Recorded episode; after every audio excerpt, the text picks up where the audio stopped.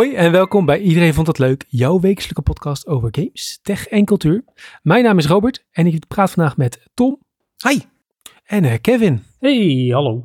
Ja, we zijn er weer met z'n drieën en we gaan een beetje ja, een soort van herhaling doen van een eerdere aflevering. We gaan het weer over underrated en overrated trends hebben in uh, ja, games, tech en cultuur. Maar met een kleine twist. En voordat we dat gaan doen, gaan we eerst even kijken naar, uh, zoals je van ons gewend bent, wat nieuws.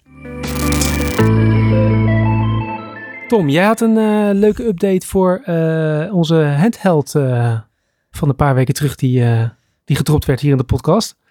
De Asus ROG Ally, als ik het goed zeg. Of ROG Ally. Mag je ROG zeggen? Uh, ROG voelt heel fout, omdat het is ook het begin ja? van roggel of zo, weet je wel. Dus dat, ja, dat voelt daar, daarom vind ik hem altijd wel lekker. Ja, volgens mij vinden de mensen bij Asus het heel naar om dat te horen. Maar... dat doen wij zeker, Asus ROG Ally. het is ook, volgens mij is het Ally, als zijnde, weet je wel, Ally. van de LGBTQ uh, community en Ally en zo. um, nee, er is... Dus hij heeft RGB. Hij heeft zeker uh, RGB, ja. Aura Sync, zoals we dat gewend zijn van, uh, van ROG of ROG, hoe je het ook wil noemen. Ja, nee, het is, uh, ze hebben een, een, een, persmomentje gedaan, een, een, grote presentatie waarin ze eindelijk zeg maar meer details over die machine onthullen. Maar ook tegelijkertijd weer niet de details die je echt zoekt. um, dus hij verschijnt 11 mei. Dat is, dat is een van de soort van grote nieuwe onthullingen. Dat is zeker heel snel. Ze zeiden ook van, oh, hij komt er heel snel aan. En daar hebben ze gelijk in. 11 mei is, is vrij vlot, wereldwijd. Um, maar die hele presentatie lang, ze vertellen een heleboel zaken en we kunnen vragen insturen en alles. En volgens mij vroeg iedereen hoe duur is hij en, en echt op heel veel aandringen als allerlaatste momentje. Oh ja, nee, oké, die prijs, daar moeten we nog even over hebben. Ja, weten we eigenlijk nog niet, maar sowieso minder dan 1000 euro. Of sorry, dollar moet ik dan zeggen. Minder dan 1000 dollar is volgens mij wat ze gezegd dus hebben. Dus hij wordt 999 dollar en 99 cent exclusief ja. BTW. Ja, en dan ja, inderdaad krijg je dat. En dan de europrijs is dan waarschijnlijk nog iets hoger. Nee, dit was wel de consensus uh, van veel mensen. Maar um, uh, ja, als je, als je vragen hebt, de, de, ik, ik heb een heleboel gekke details en specificaties in mijn achterhoofd. Maar um, de, ja, ook een heleboel dingen die nog een soort van out there zijn. Het zijn vooral grote, grote beloftes en zo. Er is heel veel gesproken, maar heel weinig gezegd. Ja, ik denk het, ik denk het helaas, helaas wel. Uh, Want ja. weten we nu wel, zeg maar, een chip of iets van... Ja, is, is er iets aan technische specificatie? Uh... Maar ook nee. Uh, okay. Het ding is, ze hebben gezegd, oké, okay, dit is dus de chip. Het is de AMD Ryzen Z1 en de AMD Ryzen Z1 Extreme. En dat is dus waarschijnlijk een chip. Nee, het is waarschijnlijk dezelfde chip als die dus nou ook in de nieuwe GPD's en in de nieuwe Axus en in de nieuwe uh, Aya Neo's gaat. Maar AMD heeft met Asus zeg maar de handen geschud dat zij die chip de Z1 mogen noemen. Die is misschien wel een klein beetje anders, maar dat is niet echt te vergelijken met wat uh, Valve en AMD deden voor de Steam Deck. Dat was echt toen nog een soort van nieuwe chip ontwikkeld voor de Steam Deck. Dit lijkt toch wel gewoon een chip te zijn die AMD al in de schappen heeft liggen. Of in ieder geval, weet je wel, daar in de voorraadkast. En dan zeggen ze van, oh, als jullie een speciale chip willen, dan noemen we die de Z1 voor jullie. Dus dat, zo voelt een, het een, een beetje aan. Een beetje net als wat Samsung had met zijn, met zijn uh, SoC's afgelopen jaar. Van uh, Qualcomm, dat dit voor Samsung was. Dat is een beetje, dat heb ik ook een beetje, yeah. die Extreme of zo is voor Asus. En de rest is gewoon, hier heb je de normale. Gewoon normaal alles leest alsof het een, een Phoenix APU is. Dus dat is inderdaad wel Zen 4 en RDNA 3 architectuur erop. Uh, maar ze hebben bijvoorbeeld ook weer geen kloksnelheden genoemd. Ook niet precies de hoeveelheid werkgroepen. Maar je kunt ervan uitgaan dat het gaat om uh, zes centrale processorkernen voor de normale Z1. Voor de Extreme krijg je er acht. En waarschijnlijk hebben ze allebei dezelfde uh, 12 werkgroepen aan RDNA 3 GPU. Daar komt, het, uh, daar komt het waarschijnlijk op neer. Uh, Wel echt oprecht weinig details voor iets wat over uh, een goede... Twee weken uit. Iets meer dan twee weken moet uitkomen. Ja, ik moet ook zeggen, als je dat dan gaat vergelijken met al die Chinese partijen, zoals die GPD's en die Axus en bijvoorbeeld ook met Valve, die waren heel vroeg al met transparante details van, nou ja, zoveel, zoveel. En, en nu Asus is ook wel transparant met sommige details, maar dan hebben ze een groot persmoment en dan zijn ze ook weer met heel veel van de dingen die je wil weten, uh, zeggen ze niet. Dus bijvoorbeeld ook de accuduur, uh, de precieze grootte van de accu is volgens mij nog onbekend.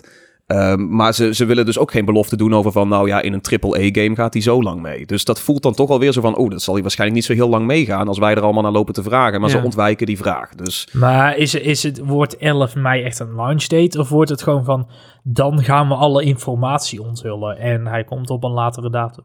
Nee, dat zou als het goed is ook het, uh, het launch evenement moeten zijn. Maar je hebt wel gelijk, er komt een... Uh, livestream bij. Volgens mij wordt die in Londen georganiseerd. Doen ze een soort van lounge evenement in Londen. Mhm. Maar dat wordt ook uitgezonden. En daar zitten dus ook Asus mensen om nog meer te vertellen over die, eh, over die machine. En tegen die tijd moeten we dan dus ook waarschijnlijk de lokale adviesprijzen eh, hebben voor, voor de apparaten. Of Maar dan kunnen we hem nog niet bestellen, als ik het dan zo ik, begrijp. ik denk dat, die, dat, dat je hem dan wel kan bestellen. Ze noemen Ja, dit wel echt de wereldwijde lancering van het apparaat. Mm, oké, dus ja. ja. ja, dat is ook nog maar de zo vraag gaan we voor die tijd dus ook geen reviews of zo zien. Want je- meestal zou je denken van, nou, dan gaan er misschien een beetje early units naar wat reviewers. Dat Eh, zou- Maar dat lijkt hier ook niet dan te gebeuren. Of die zijn er dan nu heel druk mee bezig misschien. Ja, maar dat ik ja of of dan willen ze mij niet eh in zo'n ding toesturen. Maar ik heb Ja, niet- je ik heb, begrijpt, ik ben gewoon nu aan het, aan het kijken of je hebt een NDA getekend of niet. nee, nee, Of ze hebben nee. jou gewoon niet gebeld. Ik heb eh, nee, ja, ik denk ik denk dat laatste als er al eh, misschien zijn er review samples uit, maar daar, daar heb ik nog geen, geen lucht van gekregen. Dus dat ehm, ik, ik, ik ben benieuwd. Eh, het is, het is bij de hele, hele vraag- grote. Eh, eh, mogelijk bij de hele, hele grote, zoals een Line Stack Tips Ja. en een Dave 2, die, die, hem, die ook de Die hem al hadden. look al kregen, zeg maar. Ja, en die ja. gewoon volledig mogen testen. Ja, maar dat vind ik geen, dat is geen goede review run hoor. Als je nee, echt alleen zeker niet, zeker niet. Eh, je hoopt toch wel ook wat, wat meer onafhankelijk en ook wat kleinere eh, partijen. Eh, waar ik zelf ook nog heel erg mee zit. Het is ook volstrekt onduidelijk of, of het nu gaat om één van die modellen of meerdere. Omdat ze dus, ze hebben sowieso al meerdere chipsets. Dus er zijn verschillende uitvoeringen van. Opties, ja. Maar ze hebben dus ook niet gezegd of die 11 mei dan geldt voor het instapmodel of eh, voor het duurdere model. Eh, vermoedelijk is die minder dan 1000 dollar is wel voor het lichtste model, mag ik dan aannemen. Maar ehm, ja, voor het feit dat het een uur lang perspresentatie was, eh, nog heel veel onduidelijkheid ook. We gaan er ongetwijfeld in de week van 11 mei op terugkomen. Ja. Ja, we gaan door naar wat cultuurnieuws. Want het is, eh, ja, het, ja, we hebben het er al een aantal keren over gehad eh, in de podcast. Eh, het komt eraan, het Eurovisie Songfestival. Eh, begin mei gaat het helemaal los. En er is enorm veel drama. Ehm, wat, ik, eh, wat ik altijd wel kan waarderen. Ik bedoel, het is altijd leuk om leuke liedjes te hebben en leuke dingen. Maar als er ook nog gewoon een beetje drama bij Daar komt, is Eurovisie Juicy. toch voor. Dat is toch Precies. gewoon drama de show. hoort er wel een beetje bij. Maar goed, het gaat dus om de Nederlandse inzending. Want eh, eh, Mia en Dion, die eh, met hun liedje Burning Daylight nu een aantal keer hebben opgetreden, blijken, ehm, ja, ze zeggen zelf door de techniek, niet heel goed eh, zuiver te kunnen zingen. Behoorlijk wat va- valse uithalen tijdens hun optredens en daar krijgen ze behoorlijk veel kritiek op. Ehm, dus het is heel erg afwachten wat dat, eh, wat dat straks gaat doen ehm, tijdens, het, eh, tijdens het Eurovisie. Eh, want ze hebben dus nog wel wat werk aan de winkel. En het is nog twee weken. Nog twee weken, tweeënhalf, ja. Maar Zouden dit- zij hun track samen met de Asus ROG Ally lanceren? Dus dat is dat wat ze doen op 11 mei. En dan kan er maar één slagen. Ja, nee, eh, nee het, eh, het staat helemaal los, eh, los van de Asus ROG. Maar ehm, ja, het, is wel zo. Duncan Lawrence is hun mentor, dus de, de winnaar van een aantal jaar terug. Eh, die, eh, die begeleidt hun, dit hele traject. Eh, en die heeft zelfs al gezegd van... Ja, ik stel de releases van mijn eigen nummers nu uit om, om hun goed te kunnen begeleiden. En dan zorgen Dan, dat ze daar... dan, dan eh, weet je dat het kut eh, is. Dat, ja, dat ze straks die Liverpool niet vals zingen. Dus ja, het, eh, het, ja we, we gaan het zien. Maar het is in ieder geval leuk dat er eh, al veel om te doen is en veel aandacht voor is. Ook al is het misschien niet de meest positieve aandacht. Als Is- een, is- als een is- non-kenner, is- is, dit, is dit nieuw, zoveel drama? Of is dit, hoort dit een beetje, is dit par for the course, zeg maar? Nou, het is nu wel, er is wel veel kritiek nu op de Nederlandse inzending. Er is altijd Hmm. ro- rondom X altijd wel een beetje drama. eh, maar dit is wel veel. En ook vooral omdat... eh, eh, eh, ja, gewoon de hele, de hele RTL Boulevard, SBS 6, Hart van Nederland molen is helemaal op gang. Iedereen heeft er allemaal wat over te zeggen. En dat, is, eh, dat, dat werkt wel gewoon hilarische uitspraken. En, eh, Jij Ja, leeft voor die quotes, voor die goede koppen. voor die quote, ja, Ja, ja. ja, ja. En dan BN'ers die elkaar allemaal om de beurt afvallen. En eh, ja, Oh, heerlijk. is is, is eh, Duncan Lawrence nog nu voor het leven getekend als de hoop in bange dagen voor Nederlandse Eurovisie Songfestival liefhebber? Eh, met, met dat hij maar overal in wordt gevlogen als, als coach en mentor en trainer en noem het allemaal maar op? Of denk je dat dat wel mee Nou ja, het was natuurlijk, eh, als, hij, als het nou verpest wordt, dan is dat eh, misschien wel een beetje een smet op zijn, zijn overwinning natuurlijk. Maar goed, aan de andere kant, eh, eh, als je eenmaal hebt meegedaan aan het Eurovisie, want Ilse Lange heeft natuurlijk ook meegedaan met, eh met Welen, was het geloof Ja. ik samen? Ja. Oh, ja. En eh, die werd er nu ook weer bij gehaald, want zij had op haar beurt dan weer Duncan Lawrence eh, eh, begeleid. En toen was het zo van, ja, maar waarom stapt zij dan nu niet in om, om Mia en Dion te helpen? Waarop dan weer een reactie van Ilse kwam van, ja, sorry, ik heb ook gewoon mijn eigen ding nu. Ik ben niet elk jaar weer beschikbaar voor dat hele Eurovisie-verhaal, jongens. Hebben, hebben ze Rutja Kot er ook al bij gehaald of zoiets? eh Ja, niet dat ik weet, maar eh, ja, misschien dat ze wel gebeld is. Treintje Oosterhuis, weet je, kan ook nog zien. Heeft misschien ook nog over het advies. Toppers, weet je. Wa- waarom, waarom is het niet zo'n eh, Jedi Padawan-achtige eh, situatie? Want het klinkt toch wel een beetje, ze moeten een mentor hebben of zo? Of is dat, hoe, hoe, hoe zit dat? Nou ja, het is gewoon, denk ik, prettig om naar zo'n groot evenement toe. Het zijn natuurlijk soms best wel wat onbekendere artiesten. En je staat Ja. natuurlijk wel voor een enorm publiek. Je krijgt een enorme uh, media-molen over je heen, wat de meeste mensen gewoon niet gewend zijn. Ja. Uh, en uh, ik denk dat het daarom wel prettig is als je iemand bij je hebt die dat al een keer eerder heeft gedaan. En dat daarom in dit geval nu Duncan Lawrence wordt bijgetrokken. En op zijn beurt, en het jaar dat hij meedeed, Ilse de Lange. Een beetje op Ja. die manier. Dus misschien inderdaad wel een beetje zo. Maar uh, ja, ik denk zeg maar dat de, de toppers die ook ooit hebben meegedaan, niet het jaar erop zijn gevraagd om de, de nieuwe act te begeleiden. Ik, ik, ik hoop nu wel dat er een soort van Jedi Council is waar dan ook de toppers in zitten, weet je wel? Die dan in zo'n cirkel bespreken van wie, welke, ja, ja, welke ja, daar mentor zit onder andere. Cornel Maas, Cornel Maas en, uh, en uh, Gerard Joling. Ja, ja. Ja, die beslissen, de, de boy needs a, needs a Jedi Knight of zo. Ja, maar goed, genoeg drama dus. Uh, we gaan het de volgende week dus, uh, zoals ik al zei, uitgebreider over hebben in een special over uh, Eurovisie. Dan sluit Maxime bij ons aan en dan gaan we alle acts en uiteraard ook Nederland helemaal doornemen. Maar nog niet deze week, want deze week gaan we het hebben over underrated en overrated trends. Ja, we spelen deze week weer een paar rondes under of over of over of under uh, trends uh, uit game, tech en cultuur die wij, uh, ja, wij, wij gewoon onze mening over gaan uh, geven. Um, trouwe luisteraars weten dat we al een keer zo'n aflevering hebben gemaakt. Maar deze, deze aflevering gaat net iets anders doen. We gaan namelijk onderwerpen bespreken die jullie hebben ingestuurd. Um, dus ja, hopelijk dat we nu ja, nog leukere en spannendere onderwerpen kunnen gaan, gaan bespreken. Er zitten in ieder geval wel wat uh, bijzondere dingen tussen, kan ik je vertellen. Goeie Dank teaser. voor het inzenden sowieso aan iedereen. Tot, ja, ja leuk dat iedereen... Uh, ja. Ja, uh, laten we gewoon beginnen. Uh, bij een, ja, we hebben het al heel veel over Star Wars gehad. Tot ergernis blijkbaar van iemand. Want het eerste, de eerste trend is een culture trend. En dat is niets minder dan Star Trek, jongens. Oeh. Of overrated. Oeh. Ik heb dus nooit heel veel Star Trek gecheckt. Ik je wel? ook vroeger, niet. vroeger was het wel eens op, uh, op V8 of zo. Of hoe heette dat destijds? Weet ja, je wel, wat, Veronica, uh, V8, ja, ja, ja. een beetje in die tijd. Of, uh, god, had je allemaal van die slechte kanalen rond die tijd. Daar zijn wel heel veel van die Next Generation en zo uitgezonden. En dat heb ik dan zo wel eens gezien. Maar ik heb nooit echt gezeten om Star Trek te gaan checken. Nee. Maar, maar van begin tot eind, nee. Het is er ook zoveel van, hè? Dat is ook een ja, beetje ding. maar het schijnt wel... Meer en meer denk ik van, misschien moet ik dat een keer doen. Want het schijnt al heel vroeg heel progressief te zijn geweest. En, en, ja, ja, uh, heel erg progressief. Ja, en, en sowieso doen ze natuurlijk... Wat ik stiekem wel tof vond aan Star Wars... is een beetje dat politieke gedoe van die, van die uh, prequel-trilogie. Ja, dat krijg je volgens mij in Star Trek toch wel iets meer. Dus ik, ik ben een ja, beetje dan wat, wat mij, wat, wij, wat mij altijd is verteld... is dat, dat waar Star Wars Space Opera was... is Star Trek is echt sci-fi. Is echt Ja. science fiction. Zeg. Ja, Star Wars is bijna gewoon eh, fantasy. En, Ja. eh, Ja. Daar heeft Star Trek niks mee te maken. Hmm, dat, wil niks mee te maken hebben. dat is wel een goede vergelijking. Ja, dus het is ook niet... Ja, dus die hele van... Oeh, hou je van Star Trek of Star Wars? Dat moeten mensen dan ook maar eens een keer laten gaan. Want het zijn gewoon wel echt definitief andere dingen, toch? Ik denk dat een Star Wars dichter bij een Lord of the Rings ligt dan bij, eh, dan bij Star, Star Trek. Trek, ja. Oeh, is Star Trek de Game of Thrones ten opzichte van Star Wars Lord of the Rings? Nee, wat... Dus heb je- wat- Er zitten draken in Game of Thrones. ja, dat was mij ook Ja, je hebt er ook ruimteschepen in. eh, nou ja, ja oké, misschien is de vergelijking. een beetje- It could happen. It could happen. ja. Nee, oké, oké. Ehm, Maar ik denk dat we wel kunnen concluderen dat deze misschien wel gewoon een beetje underrated Ja, is. omdat ik denk die- het wel. Er zitten wel gewoon Ja. hele goede dingen in, maar het wordt niet zo breed opgepakt. Dus vandaar vooral ook het, het feit dat wij het alle drie niet echt helemaal van voor tot achter hebben gezien. Geeft misschien wel aan dat die, eh, die series en die films misschien wat iets meer liefde verdienen. ja. Ik wil wel, eh, dan mogen dan, dat mag Roald dan zeker even droppen. Waar moet ik beginnen? Als ik, Ja. stel ik wil nou toch een beetje een, zo'n, zo'n teentje in het water doen daar, van het Star Trek water, zeg maar. Is het dan Picard seizoen 3? Of moet ik dan eh, Next Generation teruggaan? Of... Ik, ik ben daar heel benieuwd naar. Dus eh, ik, denk, ik denk underrated, maar geef me ook iets wa- waardoor ik het daadwerkelijk kan proberen. Ik, ik, denk, een mooie...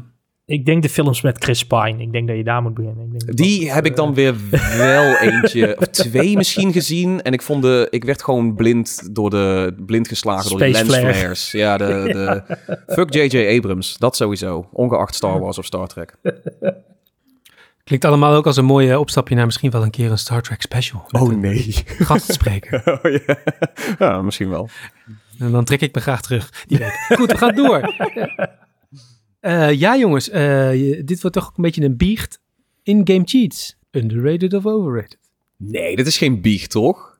Als we het hebben over de originele singleplayer cheats, daar is niks mis mee, toch? Met gewoon eh D-pad links, eh, A of kruisje, eh Ja. D-pad boven, die. En Ja. dan in Spider-Man 2 op de Gamecube van die enorme... eh, ja, Big Head Mode. Big Head Mode. Big Head Mode was de beste cheat sowieso Ja. voor alle. Die zat in bijna alles en het was hilarisch. Ehm, underrated, man. Ze zijn verdwenen. Breng, breng cheats terug. Ik, ik, ik wil hem iets nuance eh, inbrengen. Ehm, underrated, de in-game cheats, zoals we ze kennen inderdaad, dat ze ingebakken zitten in de game. Dingen als Game Shark en al dat soort shit om Mm, artificially cheats te introduceren, hacks, al dat soort shit, zwaar overrated. ja. ja, en dan kom je ook in het multiplayer gedeelte. Dan ben je ook zeg Ook maar een game aan ja. het hacken om daar te cheaten. Dat sowieso overrated. Ja. Eh, kappen mee, doe het niet. Je bent een eikel. Ja, dan in, hebben we ook, eh, ze gaat ook buiten under of overrated. Het is gewoon, dat wordt gewoon gehaat en, dat, en Ja. terecht. En kan tot illegale praktijken lijken. Kijk naar Destiny. Ja, eh, eh, Destiny 2 heeft natuurlijk ook Ja. echt gewoon eh, miljoenen boetes uit kunnen delen voor mensen die cheats aan het maken waren daarin. Mensen die Ja, Kronos-kastjes gebruiken, sterf gauw. Ik weet niet waar dit, wat dit is. Dit ik heb is, een Google Kro- Chrome. oh, sorry, sorry, ja nee, Kronos. Kronos-kastjes zijn van die contrastjes die je aan een controller kan hangen. Ja. En die bijvoorbeeld, daar kun je gewoon zeggen van, nou, ik speel in Call of Duty met een M4. Noem maar iets, noem maar wapen. En dan weet dat kastje, weet, oké, jij speelt met een M4. Een M4 in Call of Duty Modern Warfare 2 heeft zoveel recoil, heeft zoveel terugslag, moet zo snel herladen, dat soort dingen. Oh, fuck en die off. doet dan al die inputs, doet hij voor jou gewoon, eigenlijk hij doet Dus corrigeert dan de tegensturen. terugslag of zo. Precies, ja, ja. dat soort dingen, ja. Dat zijn, Ze de- zijn de- nu- enge dingen om te zien als je die video's Ja. ziet. Van hey, deze gun hoort zeg maar een meter omhoog te vliegen, maar hij blijft zeg maar met een steady, beetje jitter precies op dezelfde pixel staan. Dat is gewoon Ja, eng bijna. Als je dat in Ah, het echt kan, geleerd. mooi. Maar als je daar tools voor nodig hebt, inderdaad, eh, fuck jou. Dus ik verlies gewoon altijd in Apex Legends eigenlijk gewoon van dit soort mensen. Dat lijkt me Nee, ja. dat niet, Robert. Oké, Dat en lag en hostvoordeel en... sowieso. En dat Alle- nooit iemand... Die- ook je muis, ook altijd je muis, altijd je muis. Ja, ik moet Ja. een nieuwe muis, Kevin. Welke wil je? Ik heb er nog een paar in de kast. Ja, je bedoelt er gewoon meer... Misschien moeten we weer een muis reviewen. Maar ik weet niet of dat gaat helpen, inderdaad. Laten we wel wezen. Laten we gauw doorgaan. Culture eh, onderwerp deze keer. Eh, tabletop RPG's. Poppetjes, dobbelsteentjes, zelfgekleide boompjes. Nee, nee, nee. De, de echte, de, de, de grote rollenspellen eh, waar je Ja, ik heb ja, dat- je eigen personage maakt. Ik heb dat dus nog nooit gedaan, tot uh, enigszins Oh. schaam te bekennen. Dat is een biecht. Ja. Ja. Dus Waarom ik heb niet? hier ook geen mening over. Nog nooit toegekomen. Eh Maar lijkt het je wel leuk? Het lijkt me best een keer leuk om te doen. Alleen ik heb nog nooit de juiste groep of de juiste... eh, het Oh. leeft in mijn vriendengroep totaal niet, zeg maar. Dat Dit is- klinkt wel alsof we misschien een keer een langere podcast uit moeten stippelen om een one-shot te doen in de podcast. dat we gewoon een korte, een korte kleine mini-campaign spelen met, met dan eh, zelf karakters maken of dat iets voor je wordt gemaakt. Dat klinkt wel leuk. Ik vind ze ehm, tabletop RPG's ehm, mild underrated, maar ik denk dat we nu wel in een soort van kantelpunt zitten. Want je ziet hoe groot Critical Role is, Dimension 20, je hebt de Dungeons and Dragons film die nu is uitgekomen. We hebben de eh, Stranger Things hype gehad natuurlijk rondom Dungeons Ja. and Dragons. Dat is de proto eh, tabletop eh, RPG zou je kunnen zeggen. Het leeft nu wel heel erg. Dus misschien wordt het nu of binnenkort dat je zou zeggen van... nou ja, oké, iedereen schat het wel op waarde. Maar ehm, ik hoor toch ook wel heel veel mensen... zodra je het hebt over zeg maar Dungeons and Dragons... of een dobbelsteen met 20 kanten... dat ze dan meteen dichtslaan. Eh zo van, nee, dat is, dat is voor nerds, weet je. Ik vind Monopoly nog oké, maar dat, dat, daar ga ik niet aan beginnen. Ehm, ja, dat, dat, dat, ik hoop wel dat, dat dat sentiment een beetje omkeert. En dat mensen inzien van, hey, dit zijn ontzettend toffe games. En zeker ook als je een videogamer bent... en je, je houdt van je, je Skyrims en je Witchers en dergelijke... De, de kans is heel groot dat je een Ja. eh, avondje Dungeons Dragons heel tof vindt. Is het, is het niet zo dat het ehm, lichtelijk overrated is momenteel, omdat iedereen op de hype probeert in te springen? Ik weet ook dat er fan... Nou, eh, ik, ik, heb, ze- ik heb gezien dat er bijvoorbeeld ehm, eh, Destiny... Er is een Destiny tabletop RPG gemaakt door fans, zeg maar, maar er is echt een heel boek erover, gewoon met alles rondom om een, om een Destiny-stijl eh, tabletop RPG op te zetten. Ja. Eh, ik, eh, laatst hadden we het over volgens mij dat Bethesda Nederland in de problemen was gekomen omdat ze een tabletop RPG hadden bedacht rondom Elder Scrolls Scrolls. Online, maar dat was gewoon klakkeloos grip van, van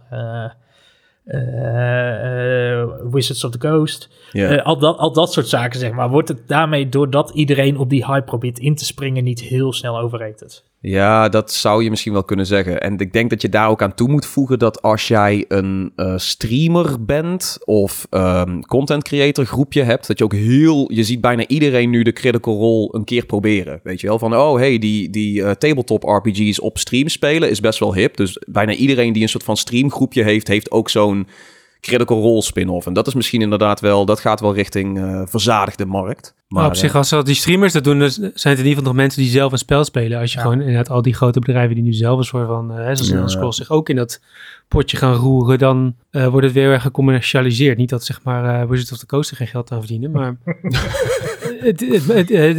D&D is juist zo leuk omdat je eh, zelf je eigen verhaal kunt maken. En als er Ja. allemaal soort van templates door andere bedrijven weer worden klaargelegd, dan eh, gaat het misschien een beetje zijn doel ook voorbij. Nou, ik denk dat, Misschien- dat dat is wel ingedekt, denk ik hoor. De meeste tabletop RPG's die commercieel verschijnen zijn ook zo van: hé, hey, maar maak vooral je eigen karakter, speel vooral met het principe. Dus er is eh, inherent aan een tabletop RPG heb ik wel het idee dat het hoort erbij dat je speelt met de wereld en dat je denkt van: oh, wat als ik dit soort NPC's in deze eh, steden zet, of wat als ik dit soort karakters maak en die introduceren in een groep waar die niet bij kan passen. Eh, ik denk dat het altijd wel een soort van cultuurdingetje is dat je daar heel erg eh, creatief mee omgaat. En dat je zelf eh, karakters en verhalen gaat maken. Dat, dat hoort er een beetje bij. Ja, goed punt, goed punt. Eh, we kunnen het in ieder geval sowieso iedereen aanraden om een keer te proberen. Want dat, eh, het, is, het is gewoon heel leuk. Zeker Ja. als je misschien eh, gewoon een keer een one-shot, gewoon één verhaal doet. Eh, dat kan een hele leuke zondag opleveren. Ja. Goed, we gaan, eh, gaan door naar ja, een beetje in het verlengde. Want hier heb je ook poppetjes en dingetjes. Eh, maar toch wel met een eh, iets andere insteek, namelijk echt alleen maar geld verdienen. We gaan het hebben over Toys to Life. En dan hebben we het dus over bijvoorbeeld Amiibo's. Of eh, de Skylander-serie die, eh, die eh, online gaan, Holy shit, wat was ja. dat een hype. beetjes zeg. uitbracht. Ja. De tandjes. Eh, Heb Disney jij daar aan meegedaan? Eh, ik heb er niet aan meegedaan. Ik werkte op dat moment wel in een gamingwinkel. Oeh. Eh, ja, daar gingen heel wat van die poppetjes over de toonbank voor achterlijke prijzen met achterlijke eh, ouders die sowieso dat poppetje zouden en moesten hebben voor een krijsende koter die dat poppetje wou hebben. dus ik, overrated. eh, ja, dit, was, eh, dit, dit brengt lichtelijk trauma's terug altijd als het over Skylanders gaat. maar ze bestaan nu niet meer. Dit is een beetje het... Nee, Skylanders is hartstikke dood natuurlijk. En eigenlijk al die, al die eh, eh, series die, die, die dit hebben geprobeerd, die er actief een game omheen probeerden te bouwen, die zijn kapot. Eh, de enige waar het, waar het wel werkt is Nintendo, maar er is geen echte Amiibo game of zo waar je. Amiibo voor nodig hebt. Het is ook dat heel is vaak niet mooie- Toys to Life. Ze doen vaak wel iets in de game, maar het is niet zo heel erg zoals een Skylanders en dat Nee, wat precies, Ubisoft deed, Starlink, van je Ja. bouwt iets of je hebt iets en nu zit het in het spel. Het is meer Ja. zo van, oh, nu eh, hiermee kan ik mijn Super Smash progressie opslaan of zo, weet je wel?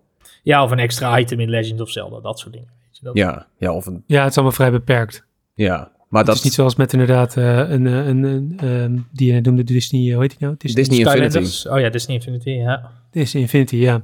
Dat je inderdaad, die, dat eigenlijk de hele game om het, de verkoop van die poppetjes draait. Ja. Nou moet ik wel zeggen, ik vond Lego Dimensions wel weer een soort van vet. Omdat het gewoon, het is Lego, Lego to is, life. Ehm, Ja. het, ook dat je dan, het idee was dan ook dat je dan inderdaad poppetjes op zo'n portaal zet en dan zitten ze in de game. Maar je mag ook, je kunt ook met die poppetjes spelen. Dat is ook dood, ja. ja. Ja, ja. Eigenlijk is, ja, eigenlijk Amiibo is de uitzondering op de regel. Die, die doen het, eh, die doen Ja. het nog steeds prima. Maar ik, zie- ik zie Amiibo zie ik ook meer gewoon als collectors item dat toevallig een secundaire functie in games heeft. Ja, ja, ja. Dan dat het een, een essentieel onderdeel is van een platform. ja. Het Weet is je, je kan meerdere ook- je kan- generaties meegegaan natuurlijk, hè? Ja, ja, het is sinds 3DS eh, is, dit, is dit een ding natuurlijk. Ehm, ja, het, het, eh, je kan ook best een 3DS en een Switch hebben zonder dat je ooit een Amiibo hebt aangeschaft. Ik heb hier eh, twee Amiibo's staan, eh, vriendelijk gedoneerd door eh fijne vriend Robert. Eh, maar dat is alles zeg maar, wat ik qua Amiibo heb. En dat is, ik, ja, ik denk ook dat ik het ooit twee keer in een game heb gebruikt. En zo verder staan ze ergens op de plank en staat het leuk, maar... Amiibo wel komen bij heel mij ook heel weinig van mijn bureau af, ja. Mm, ja. Wacht, hoeveel toys to life in totaal hebben we allemaal in huis staan? Ik geloof dat het alleen maar Amiibo zijn voor ons drieën. Maar ik ben gewoon benieuwd van... Ik, ik heeft had- Robert nou ergens een laadje met honderd van die dingen? of hebben we het meer over een, over, weet je al, max een dozijn? Robert kijk moeilijk. Denk hard na, denk hard na. Even die ik er zelf- erbij pakken. Ik heb er zelf drie. Ik heb eh, een Bull of een Ivysaur, een Charizard. En ik heb de, ehm, de Loot Goblin uit Diablo. Die heel leuk is, want dan kun je een Oeh, portal openen in Diablo 3. En dan- ja. Die is Dus goed. Die, die, die, die moest ik hebben. Eh, en verder hebben wij denk ik best wel, eh ik denk wel een stuk of 10, 12 komen, ja. Maar dat komt vooral omdat mijn vriendin ze wel echt spaart. Vooral de Mario eh, amiibo's eh, van dat universum vindt ze heel leuk. Dus de- daar hebben we er best, be- inmiddels Ja. best wel wat van. Ja. Ik denk dat ik er in huis vier of vijf heb. En het zijn ook echt alleen maar Amiibo, ja. En dan is Ja. het eh, Animal Crossing en Splatoon, gek genoeg. Oh ja, Splatoon zijn ook goed, ja. Ja, ja. En ik heb ooit wel een beetje op de Skylander, niet op de hype, eigenlijk na de hype een beetje meegedaan. Eh, want toen lag ooit gewoon zo'n hele bak met allemaal van die dingen lag bij de kringloop. Ja, Eh, en het zijn best, die, sommige van die Skylander games zijn best leuk. Eh, maar goed, dan moet je dus wel wat van die poppetjes hebben om een beetje die levels te kunnen doen. Want dan heb je weer voor het ene stukje heb je dan weer het ene poppetje nodig of het ene type en dan, nou ja, et cetera.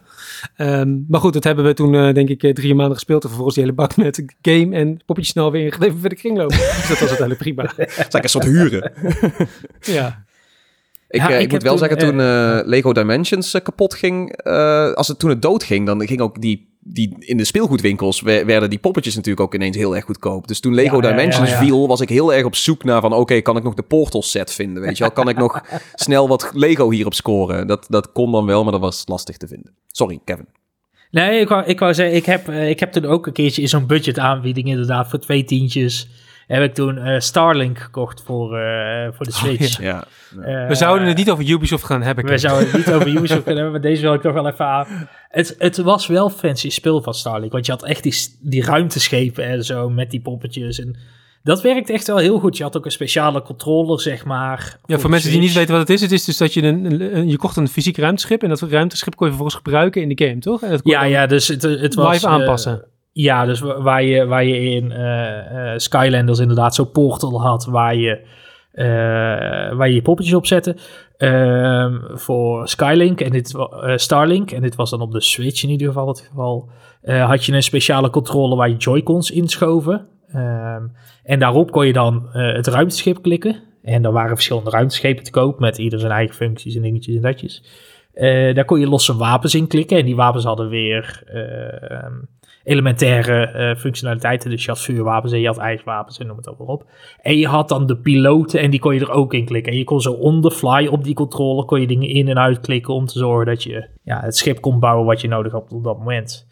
En dat werkte op zich best wel grappig. Het, het, het was heel mooi speel. Het, was, eh, het, het zat er goed in elkaar. De game was niet heel spannend. Maar ja, het was ook een beetje ander publiek, zullen we zeggen. Ehm, Kinderen, laten we wel wezen. ja, ja, uiteindelijk wel. Ja, en Nintendo-fans, Eh, want ze hadden die Star Fox eh, Ja, ja, ja. eh, Maar dat, link ermee. Dat, dat heeft Nintendo natuurlijk toch wel gedaan. Want je had ook Skylanders toen op een gegeven moment. Dat je eh, Donkey Kong en Bowser en dat soort dingen. In Oh? Skyland, Skylanders Racing Game of zo was dat. dat je die, eh, Oh ja. Dus ja, ik denk, eh, gezien het allemaal dood is, enigszins overrated. Maar als principe... ehm, Het is meestal gewoon twee maanden heel erg overrated. En daarna hoort, hoor Ja. of nou, misschien dan twee maanden, maar daarna hoor je er niks meer over. Dus laten we ook gewoon vooral doorgaan en deze, deze dode boel achter ons laten. Ik hoop dat het Ehm, terugkomt. Ja, een beetje een techie onderwerp. Draadloos opladen.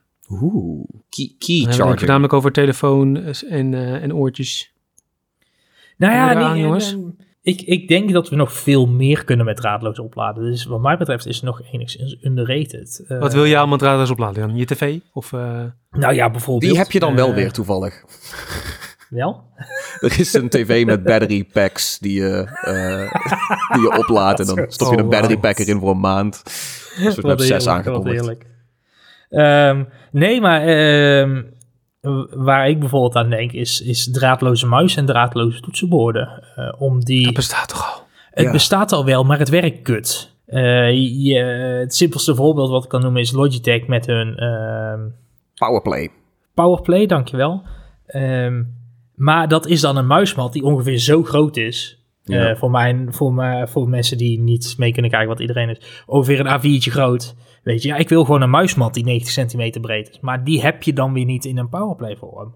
Ja, die Ehm. eh, toevallig dan wel weer maar van een niche bedrijf. Ja, En hij kost. Ja, ja. Meow heeft er inderdaad eentje die... eh, maar ook wel meer geloof ik, die, die, een, die een gigantische deskmat maken met draadloos opladen. Maar het is, het, ja, het is poepduur natuurlijk, want je moet zo'n heel oppervlak chargen.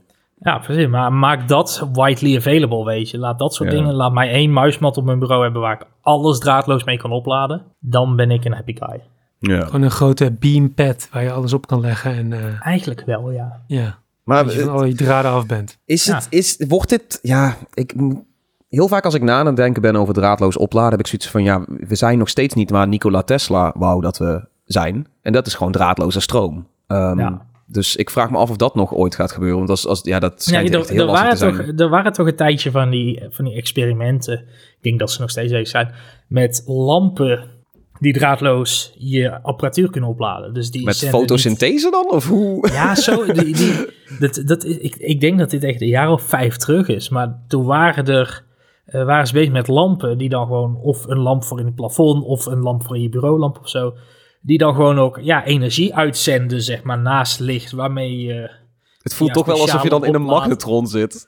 Ja, ja, misschien wel een beetje. Misschien, wel, misschien dat het daar ook nog steeds niet breed be- beschikbaar is. Maar eh, ja, dat, dat is toch wel een beetje, dat zou die toekomst moeten zijn, lijkt mij. Ja, ja maar dat, ik denk die toekomst underrated, maar nu draadloos opladen. ehm, afgezien van inderdaad dan die randgevalletjes van de, je powerplay muis, muismatten en dergelijke, vind ik het een beetje overrated. Ook vooral omdat het toch wel vaak langzaam gaat. Ik ben echt een kabelguy, dus ik denk dan heel vaak... Oké, een draadloze muis vind ik tof. Toetsenbord hoeft voor mij al niet. Headset eh, hoeft ook niet per se... Waar, hoe zou je die draadloos opladen? Dus dan prik je ook een kabeltje in. In de meeste dingen ben ik tevreden met een kabel. Dus hoe draadloos opladen er nu voor staat... ehm, overrated. Als we Nikola Tesla achterna gaan en we hebben straks draadloze stroom... dat, ja, sure, ja, underrated. Ja, ik is ook heel erg, under, of, eh, heel erg overrated. Ik heb het al met mijn telefoon aan, eh, die nu toch al ja, ook gewoon aan een, op een pad legt, die al op dezelfde plek ligt, waar ik hem alsnog op moet klikken. Ehm, ja, zoveel winst, winst is er niet, meestal niet te behalen. Het enige is dat hij nu altijd op een vaste plek ligt en dat er niet in het ergens mee zo'n draadje bungelt. Nu maar nu zo'n gek, zo- gewoon zo'n gek cirkeltje waar je hem dan Ja. oplegt. Dus ja, Ja. nee, ik, ehm, ik- het, het, het, het kost ook allemaal duur. Het kost ook allemaal duur, ja. Ik zie het niet, eh, niet zo zitten. Dat is de volgende aflevering. Kost het duur of goedkoop? Kost het duur of ja, ja. Ja, in plaats van Even under of een eh, over. Veenendaalse roots eh, eer aan doen. Goed, laten we gauw doorgaan naar, eh, naar iets heel anders. Eh, game remasters, jongens. Oeh. Over of underrated? Ja, een ik, trend, ik- hè? Het, is, het is wel een trend momenteel. En ik heb het idee dat. eh, laat, laat ik zeggen, overrated. Ehm, om, want ondanks dat er goede remasters uitkomen. Kijk dit jaar naar. ehm, eh, ehm, ik wou zeggen Bioshock. eh, Dead Space en Resident Evil 4. Alhoewel zijn dat remasters of remakes. Dat is ook weer zo'n discussiepunt. Ehm, ja, weet je. eh, sommige games hoeven niet geremasterd te worden. En helemaal niet drie jaar na release ongeveer. Of vijf jaar. Dus dan doel jij op zo'n eh, Horizon Zero Dawn of zo. Horizon Zero Dawn, The Last of. Us. Eigenlijk Sony games. Eigenlijk alle Sony games, ja. Ja, behalve dan... eh, oh nee, ik, ik wou zeggen, dan probeer ik zo ver mogelijk terug te ga- te gaan. En toen wou ik Crash Bandicoot zeggen, maar die heeft natuurlijk al zijn remasters al gehad. Ja, en Jack and Dexter. Ja. En noem het allemaal wel een beetje. Dus Ja. dat, het, het, het is leuk, maar het hoeft niet. En er moet vooral ook voor mij wat meer tijd in ertussen zitten. Ik speel nu de, de ja, dat is meer, misschien ook wel een remake eigenlijk. Maar de Advance Wars eh Ja. plus 2 eh, Reboot Camp heet die geloof ik. Ja. Eh, daarvan maak ik me echt heel goed mee. Ik ben heel blij dat die game nu eh, net even uh, Eindelijk op de Switch kan eh, spelen. En uit- uiteindelijk uit is, ja. Maar eh, ja, dat is zo'n game die je dan echt gewoon meer dan 15 jaar geleden gespeeld hebt. eh, op een compleet ander apparaat. Eh, en dat hij dan nu zeg maar op een moderne console is, vind ik dat wel leuk. Maar inderdaad, bij die, bij die remasters van The Last of Us of, eh, of Horizon, dan denk ik, ja, eh, zo lelijk zijn die originele games niet. Gebruik die resources om eh, gewoon nieuwe games te maken, denk Ja, ik. en Ja, iedereen ja. kan die games ook al bereiken. Terwijl met zo'n Ja. Advance Ja. Wars heb je natuurlijk... Ja, niet iedereen heeft nog een werkende Game Boy Advance liggen, weet je wel. En dan, moet- dan is het ook nog maar op zoek naar die cartridge. Dus met zo'n sprong kan ik het begrijpen. Maar als je het inderdaad hebt over je Zero Dawns en zo... dan is het zo van, ja, nou goed, eh, haal je toch even van Marktplaats een PlayStation 4'tje. Dat eh, is goed bereikbaar, zeg maar. Ja, Ja, als het al niet eh, backwards compatible is. Ja, ja, en het is op PC ook al nota bene. Daar kun je die game ook al poep mooi op maken. Dus ehm, Ja. ja, niet echt super nodig, nee. Dus die daar ben ik wel mee eens. eh, die kant wel overrated. Maar als je dan over je Advance Wars hebt, denk ik van ja, van dat soort projecten zou ik graag meer zien. Ja, en, en, en wat, wat- ja, ik, ik, ik zie zelf dan Advance was bijvoorbeeld ook wel als een, als een remake. Want voor mij is die game echt vanaf de grond af aan opgebouwd voor de Switch. Ja. Ja, volgens mij is wel de, de campaign nagenoeg helemaal hetzelfde. Maar, ja, eh, dat wel inderdaad, maar dat... dat ehm, Maar daar hebben programmeurs die game opnieuw gemaakt. En niet Ja, gewoon de oude En- bronbestanden gepakt. iets waar ik bijvoorbeeld aan moet denken is eh, de eh, PS Vita en PS3 uitgaves van Jack and Dexter bijvoorbeeld. Weet je, ja, dat was gewoon dezelfde game. Alleen dan mooi uitgegeven op, op een PS Vita of een, een PS3. Ja. is dan, is dan, voeg je dan Maar is hij dan, toe? is hij dan naar, de, naar de Vita gebracht of is hij naar de PlayStation 3 gebracht? Ja, dat weet ik niet of dat was zo cross-compatible. Die had je ook een groepje, dat die waren Ja. cross-compatible titels tussen Vita en PS3. Ja. Boei- Maar het was uiteindelijk gewoon nog die PlayStation 2 game. Weet je? Ja, Het- zo het- precies, ja. Dan is het meer een poort. Dan is het niet eens een remake of een remaster. Ja, Ja, precies. Als het gewoon ja. echt naar een nieuw platform, zoals een, als het gewoon echt naar een handheld gebracht wordt, heb ik al zoiets van, dan is het meer een port. Ja. Ja. Ja. Semantics, man. Semantics.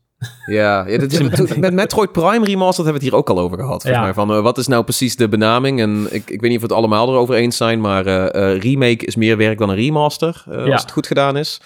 En geef mij maar remakes van oude spellen, maar ik hoef geen remasters van iets wat ik ook nog ergens op Steam zo op kan pikken. Ja, ja, ja. Lijkt, me, lijkt me op zich een eh, duidelijke conclusie voor zover dat kan bij dit onderwerp. Ja, semantics, semantics. Ja, ja, hij blijft lastig, hij blijft lastig. Maar het moet gewoon op een juiste manier, op onze manier gedaan worden, dan is het goed. Ja, ja, ja. Anders is het Dan is het gewoon- een definitie fout. Ja. ja. Dus voortaan gewoon eerst ons even bellen. Dank u. We gaan door. We rekenen een kleine consultancy fee niet. Ja. Dit is eigenlijk een beetje, denk ik, een beetje een retro onderwerp. Eh, papieren guys slash walkthroughs. Gebruiken jullie die nog? Zwaar underrated. Dit, dit, deze komt van Sander en ik vond hem persoonlijk wel leuk, want ik heb hier Ja. nog ergens En, een... en- eh, en Sander is inmiddels al 65, of, Nee, nee, nee, nee. Sander is, eh, is een tik jonger dan wij zijn. Ehm, maar wel een printer thuis. nee, nee, nee. Ik denk dat hij het meer, dat hij meer doelt Echt op... die eh, boeken die je in de ja. Game Store kocht en zo. Oh, van die, van dat- die hard, hardcover. ehm, die uitgeverij is een tijdje terug Ja, volgens mijn kopje ja, ja. onder gegaan. Ik heb, er, ik een heb er hier nog een paar liggen van, Skyrim. Ja, ik, ik, Deus Ex, Batman Arkham Asylum, Ja. Metal Gear Solid. Ik heb ze allemaal hoor. Eh, nee, dit waren echt van die hardcover boeken. Waar dan de hele game van voor tot achter in stond uitgelegd. Oh ja.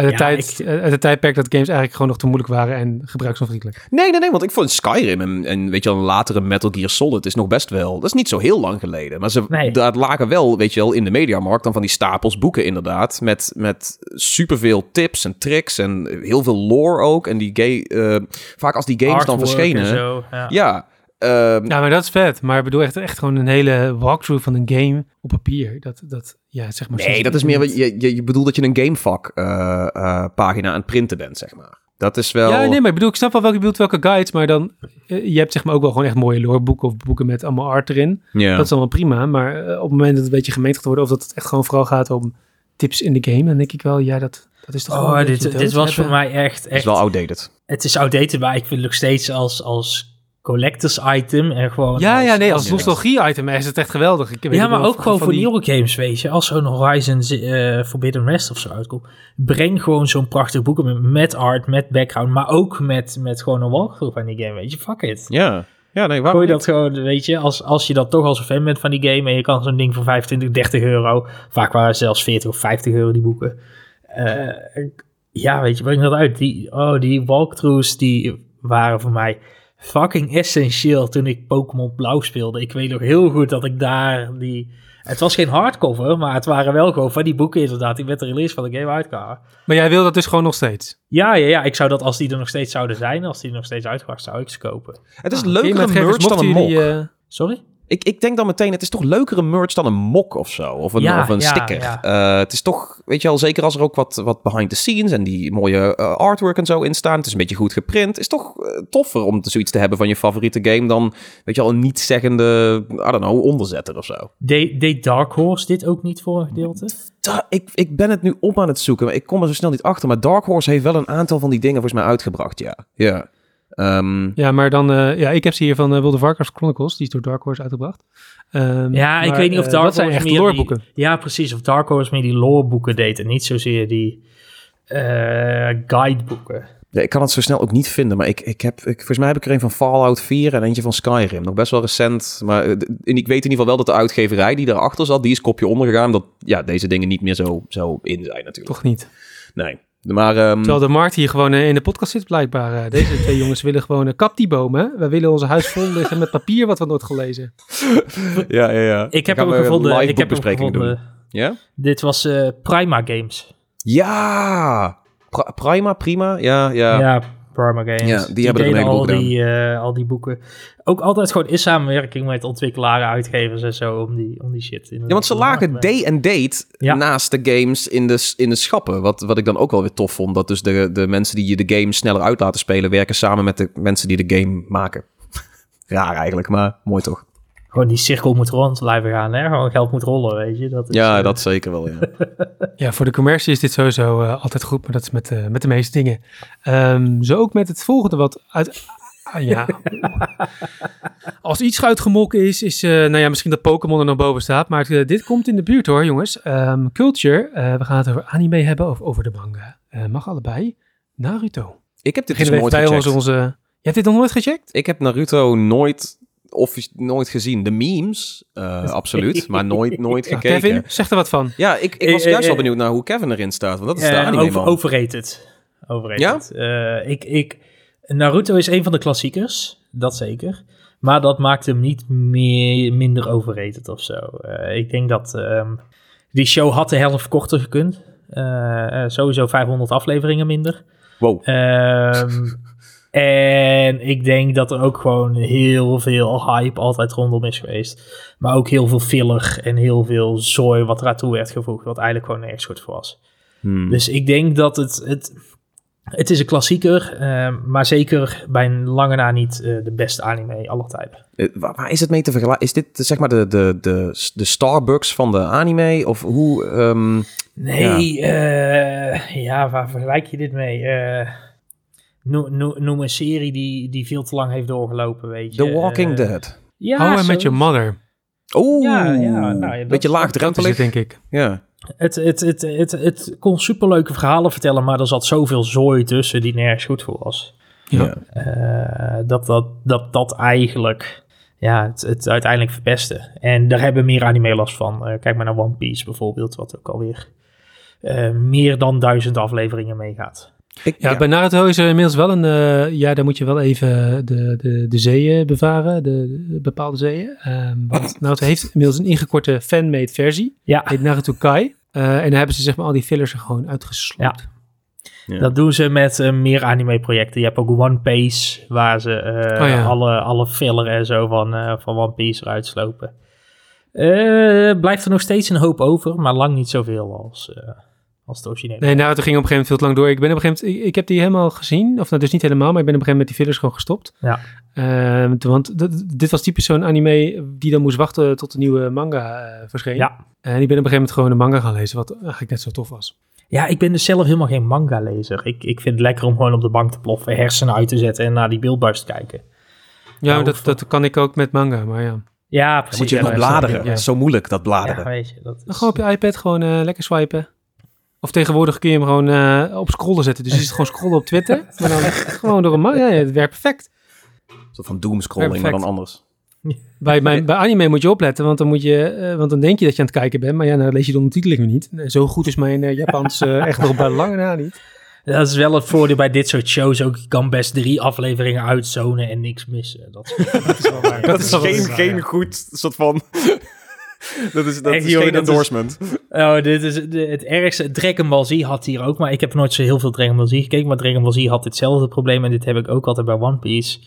One Piece heeft arcs, dus story, eh, storylines zeg maar, die gewoon soms 80, 90, 100 afleveringen lang lopen. Jeez. En dan zit, je, dan zit je echt soms naar een gevecht te kijken, 10 afleveringen lang. En dan denk je echt van, volgens mij zijn we ongeveer nog net zo ver op het punt als dat we 10 afleveringen geleden waren. Maar hebben ze allebei wat meer schade opgelopen. En dat was het eigenlijk wel. Maar verder zijn we qua verhaal geen ene reet verder gekomen de afgelopen 10 Ja. afleveringen. Hmm. Kijk, ik weet er dan niks vanaf, maar ik zeg dan gewoon van eh, wat, wat Kevin zei, helemaal mee eens.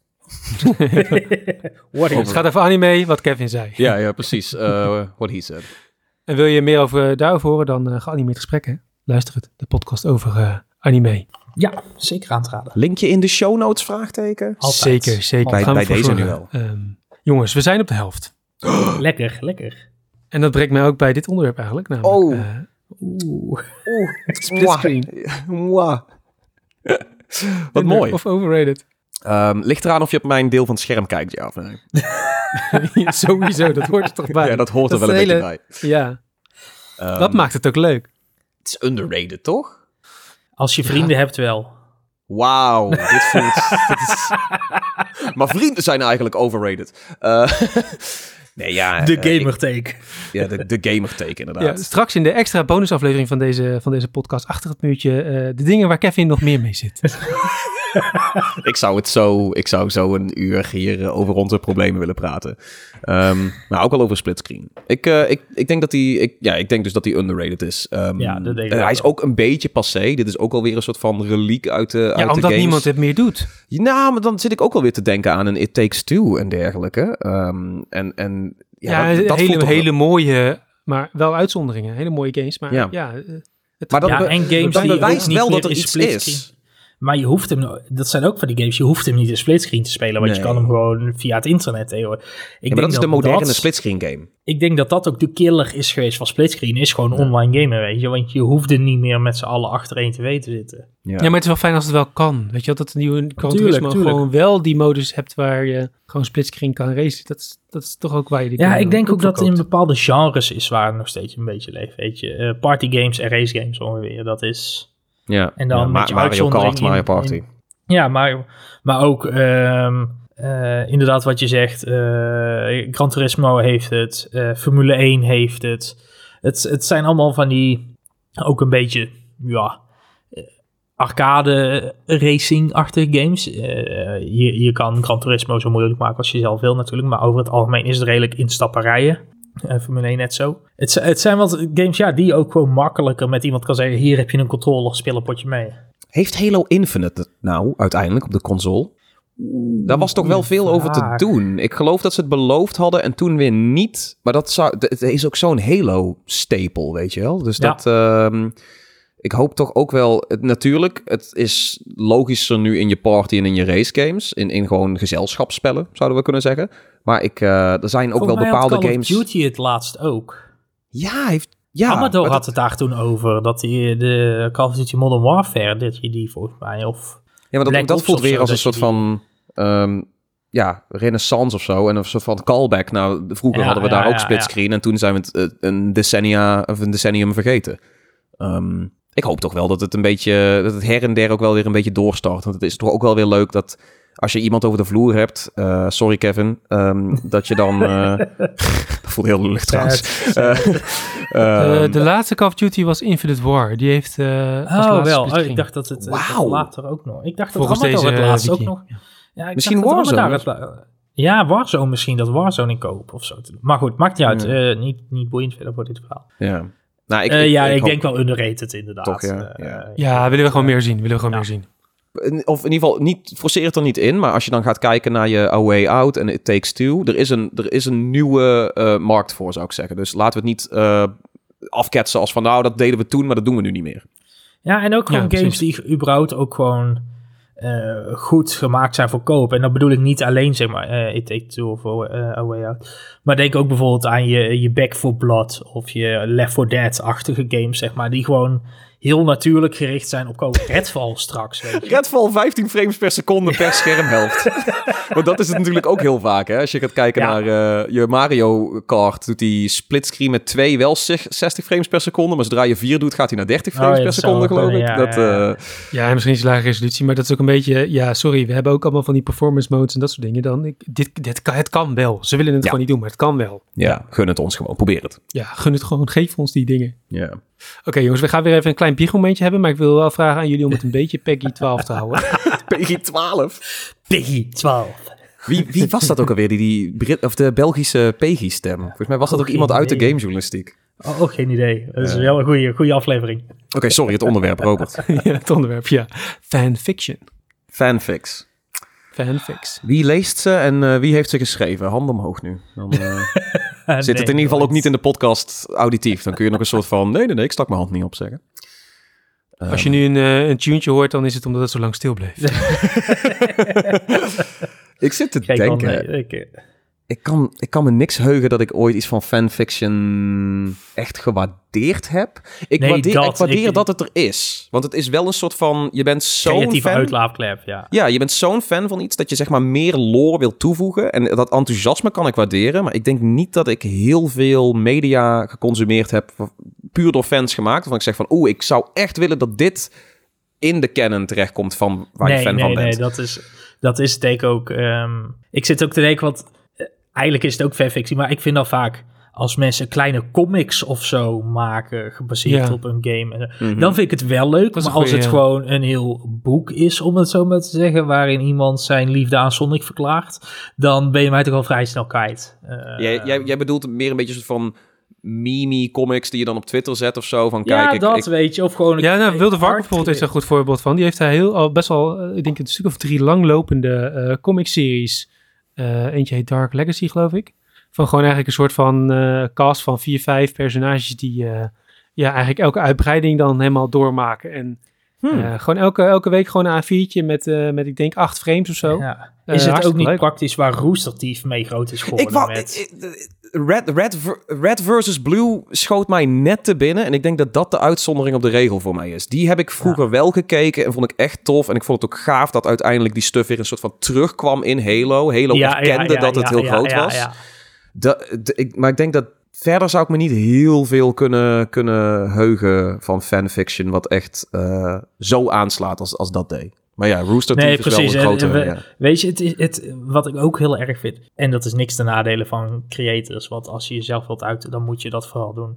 Kwaliteit heeft voor mij wel echt impact op of ik iets ook leuk vind of niet. Iets wat ik toevallig van de week op, op Twitter of zo ergens, omdat iemand het had geretweet tegenkwam, heel, heel mooi van, was een, iemand die een ehm, eh, Pokémon eh, comic deed, zeg maar. Allemaal twee, twee panel dingetjes, zeg maar, heel kort.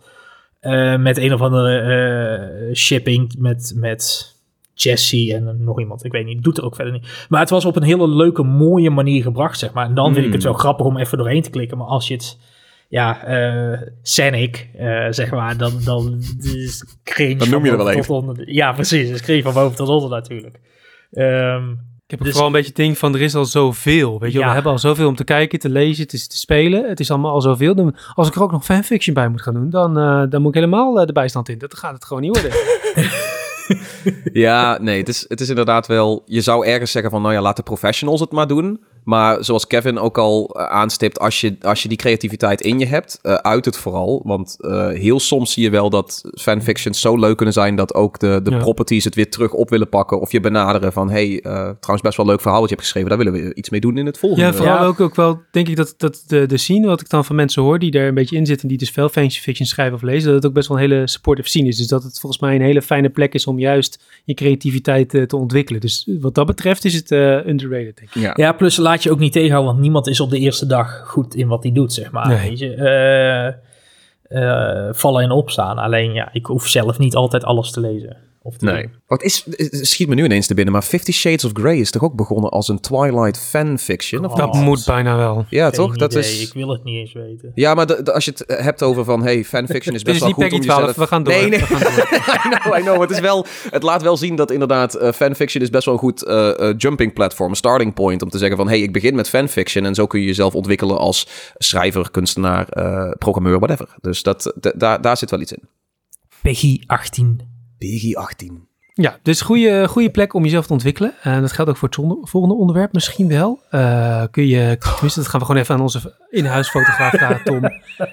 Fotomode in games. Kun je daarmee eh, leren fotograferen? Was ontwikkelen een voorbeda- was dat een voorbedacht te raden, de ontwikkelwoordkeuze? Van foto's ontwikkelen? Ont- Foto's ontwikkelen. Nee, hij schudt nee. Hij is dat zo was de- jammer, want hij dat is zo goed. Je had gewoon dat- ja moeten zeggen. Ja, je had gewoon moeten zeggen dat dat bedoeld was, inderdaad. Want ik vond hem, zodra je begon over, oh, fotomodus ontwikkelen. Oh, netjes. Ehm, Ja, Ja, ik ben niet van de woordgrappen, ik heb ze mensen te laat door. ja, ja, ja, maar deze, deze Dat dingen blijkt. Ik haat daar ook eigenlijk iets te veel. Ja, oké, sorry. We hadden het niet aan moeten stippen, want Robert Over vindt het fijner. woordgrappen. Ja, overrated woordgrappen. Dat, dat zou wel een goede suggestie zijn voor de derde over-under aflevering. Daar ben ik Ehm, er niet bij. oh, wat, wat, nou, jammer. Jermaine, Eh. Wat betreft je vraag, ik, vind, ik denk het wel. Ik denk dat heel veel. Je kunt, er zit best wel veel echte fotografie in de hedendaagse fotomodus in games. En ik denk dat we het dan vooral hebben over games. eh, Niet, eh, eh, ja, die, die, het is ook het enige waar fotomodus in, of modi in zitten. Ehm, maar ik vind het wel tof als er, een, als er een uitgebreide fotomodus is. En dan begin je ook echt te spelen met, weet je wel, depth of field of met een f-stop. Ja. Eh, dat je de denkbeeldige lens van de camera verder openzet of nauwer zet. Afhankelijk van hoeveel drama je in de diepte wil.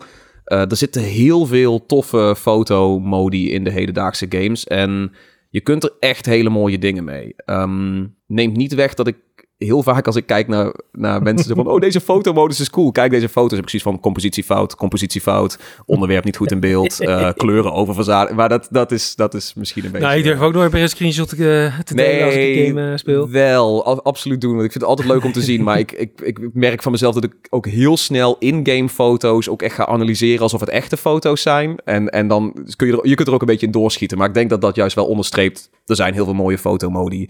Ik vind ze eh, underrated. Ik hoop op meer fotomodi in alle games en eh, betere eh, fotomodi ook graag. Ja, dat denk ik ook inderdaad. Ik denk, ik denk dat de, de- ook niet iedere game heeft de fotomodus nodig. Mm. Wat volgens mij wel momenteel het gevoel is van... Je speelt Pac-Man, hier alsjeblieft een fotomodus. Eh, weet je, niet alles, niet, eh, mijn patience hoeft geen fotomodus te hebben, weet je. Dat is niet nodig. Nee, ja, dat is een screenshot. Dat, dan kun je gewoon eh print screen drukken. patience? Soms, als ik me verveel, het toilet. Ik dacht dat je nou ging zeggen op werk. Op het toilet, Hij corrigeert zich heel snel. Nee, ehm, dus niet alles. En, en ook verplicht mij niet om een fucking logo van je game op die foto dan te zetten. Als Oh ik dan, nee, fuck it.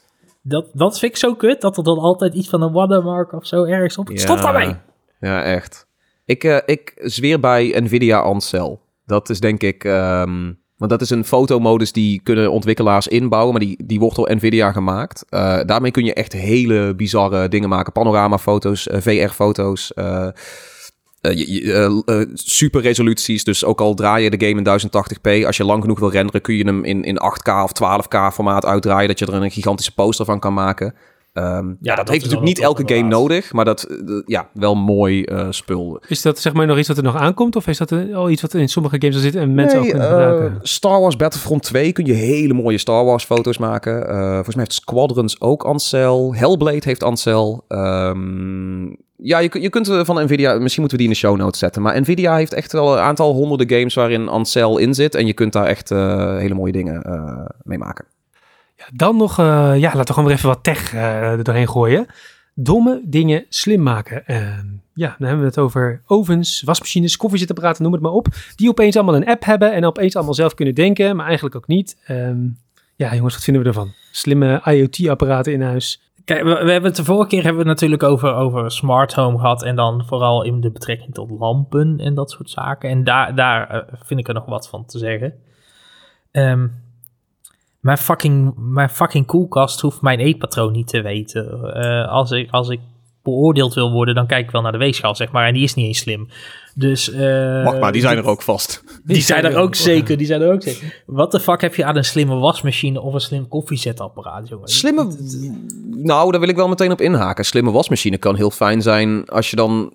eh, Ja, goed, dat is een beetje hetzelfde als een uitstelfunctie die de meeste wasmachines hebben. Maar dat je dan kan zeggen van... hey, ik regel dat ik stop nu mijn was erin... en dan laat ik hem over zes uur aangaan... zodat als ik thuis kom is mijn was precies droog of precies Ja, kan. daar heb ik toch geen app voor nodig? Nee, dat zeg ik dus ook al. Die, die Ik, dingen... mijn mijn, mijn, eh, wasmachine heeft gewoon een draaiknop of twee draaiknoppen. Dus niet eens, het is allemaal heel simpel. Een heel, heel klein displaytje waar je inderdaad de tijd op ziet. En het enige wat dat displaytje doet is eh, het uitstellen van... laten zien van wanneer die dan aangaat en hoe lang die nog moet. ja, ja, Daar dat, heb je voor nodig. Ja, oké. Dat Die, die, dus ik heb hem zelf al een soort van onderuit gehaald. Maar er is wel... Ja, dat is dan het principe wat je dan net iets slimmer maakt. Of dat je dan oeh, vanaf je mobiel in de trein alvast kan zien of je was wel goed gaat. Ja, nee, dat is overbodig. Nee, overrated, Kijk, laat maar je, door. Weet je, als, als, als je dan een wasmachine slim wil maken, zorg dan dat een wasmachine je was scant, ziet wat voor vuil erop zit en daar op basis van automatische was. Oh, maar die, dat claimen ze ook allemaal, hè? Dat ze allemaal lasers hebben en dingen. En dat, dat, dat claimen al die fabrikanten ook met wasmachines. Dat ze, alles, ze kunnen alles zien, ze kunnen alles doorhebben. Elk veldje. moet zelf moet je nog steeds- wasmachine reclame kijken. Ja, die shit Maar je is moet nog steeds zelf dat bakje vullen, ja, met ja, precies. Ja. Ja, ja, ja. Ja. Nou, dat doseren kunnen ze ook wel eens automatisch. Kunnen ze ook al tegenwoordig, ja, Ja. ja, ja. Ze, er zijn er inderdaad wel sommigen die het goed doen. Ja, Ik heb ook bij een witgoedketen gewerkt. ik heb voor een witgoedketen een reclamespotje moeten doen een keer. Eh, ze, ze wegen automatisch je shit af en de- inderdaad, ze doseren zelf en zijn eco-friendly en eco-bubble en ja. Ehm, Zijn er dan andere apparaten buiten wasmachines om even, eh, waar je, nou ja, daar, daar zie ik het wel zitten. die weegschaal hoeft niet, maar ik heb dan sinds twee dagen een eh, slimme ventilator. Ja, dat vind ik wel, dat vind ik wel grappig. Dat vind ik wel Wat leuk. is daar ja. slim aan? Wat is daar slim aan? Ehm, dat je hem eh, eventueel op afstand, eh, gewoon ook met een afstandsbediening, maar ook gewoon met je mobiel of met de Google Assistent, dat je, dat je kan zeggen van, nou ja, doe die X-as maar iets minder of doe die Y-as maar iets minder. Maar dat is niet slim, toch? Dat is gewoon afstandsbediening. Ja, maar goed, die, is dan, die werkt dan ook met smart eh, ehm, apparatuur en smart assistenten en dergelijke. Dus oh, dan hij, kun je hij is... tegen je... Ja, ik kan tegen mijn, eh, mijn Nest of Ja, tegen mijn. Shield kan ik zeggen van zet de ventilator alvast aan Ja, en dan, precies. dan werkt het. Dat voegt niet superveel toe, maar als je dan toch al zo'n die ding zijn hebt- er wel dus, maar in een hele niche. Eh, ik wil namelijk zo nemen, die zijn heel duur. Eh, dat zijn namelijk van die blowers voor eh, indoor fietsen. Dus als, eh, ik zit dan veel met de racefiets op Zwift. Mhm. En dan ben je dus binnen aan het fietsen. Maar binnen, ja, je hebt geen rijwind. Dus je wordt, wordt veel sneller, krijg je het eh, warm. Ah. Eh, maar er zijn dus nu van die blowers, van die ventilatoren die je voor je fiets kunt zetten. En die meten, die lezen uit jouw programma af hoe hard jij fietst. En als je harder gaat fietsen, meer wattages gaat trappen, gaat die harder blazen. En dat is echt, ik heb heel vaak dat ik dan dus een wedstrijdje zo doe en op een gegeven moment gaat dat veel te hard, helemaal overhit. En dan moet ik eindelijk afstappen om mijn ventilator een tandje hoger te zetten. Maar dat ding doet dat dan dus eh, zelf. Dit is eigenlijk wel 4DX, maar dan op de fiets. Ik, Ja. ik, ik, ik, zie de vriendin van Robert ook al met zo'n sproeier staan als het begint te regenen. Gewoon zeg maar gewoon drie kanten. Oeh, maar dat klinkt super chill om een beetje waterdamp op je te krijgen. Terwijl ook die ventilator het weer lekker afkoelt zo. Oh. Nou ja, het, het is dus nu wel zo dat ik als ik dus echt te hard ga en dan dus niet af kan stappen, omdat ik nou eenmaal eh, in een groepje moet blijven zitten, dat ik dan dus wel met vriendin roep van kun je de ventilator een tandje hoger zetten. Ja, dus nee, dat is ook baat bij smart genoeg, toch? Als iemand anders het voor je doet, heb je geen smart apparatuur nodig ook smart? eigenlijk. Nee, nee. Als je maar go- goed weet hoe je mensen, andere mensen moet uitbuiten en voor je karretje kan spannen, dan is het ook slim. Ja. Lees nu dit boek van Robert Somers. Ja. Rijk worden in eh, te korte tijd. Goed, we gaan gauw door. Eh, we gaan het hebben over, ja, cinematic trailers, jongens. Ehm, mooie filmpjes over mooie dingen. Eh, wat kunnen we ervan zeggen? Vooral games dan toch, hè? Want ik bedoel... we hebben het ehm, over games, ja. ja, ja. de films hebben we hebben natuurlijk het niet altijd... over een cinematische trailer van een film, want dat, Ja. dat is al een... By default. Cinema. Ja. Ik vind ze mild overrated, sommige. Ehm, weet je wat het is? Eh, de supermooie cinematic trailers, underrated. En dan heb je het over die... eh, Blizzard heeft er een heel, zeg maar, Pixar-niveau... Overwatch en zo. ja, die, die, die, die hebben een eigen... Binnen die studio, tenminste als dat nog steeds zo is, maar dat was vroeger wel, zit een, zit een eigen department die niet aan games werkt, maar puur en alleen aan de filmpjes voor alle eh, Ja. eh, Blizzard properties. Ehm, dat doen ze fantastisch. Underrated. Geef me meer Ja, van ik die speel dingen. jaren geen, eh, geen Hearthstone meer, maar ik kijk altijd... Ja, die, zijn ook Ja. zo goed. Allemaal hetzelfde soort van dev team die erop zit. Hearthstone, Overwatch, al die dingen. Ik vind overrated hoeveel waarde sommige ehm, journalisten, dan wel YouTubers, dan wel influencers hangen aan cinematic trailers.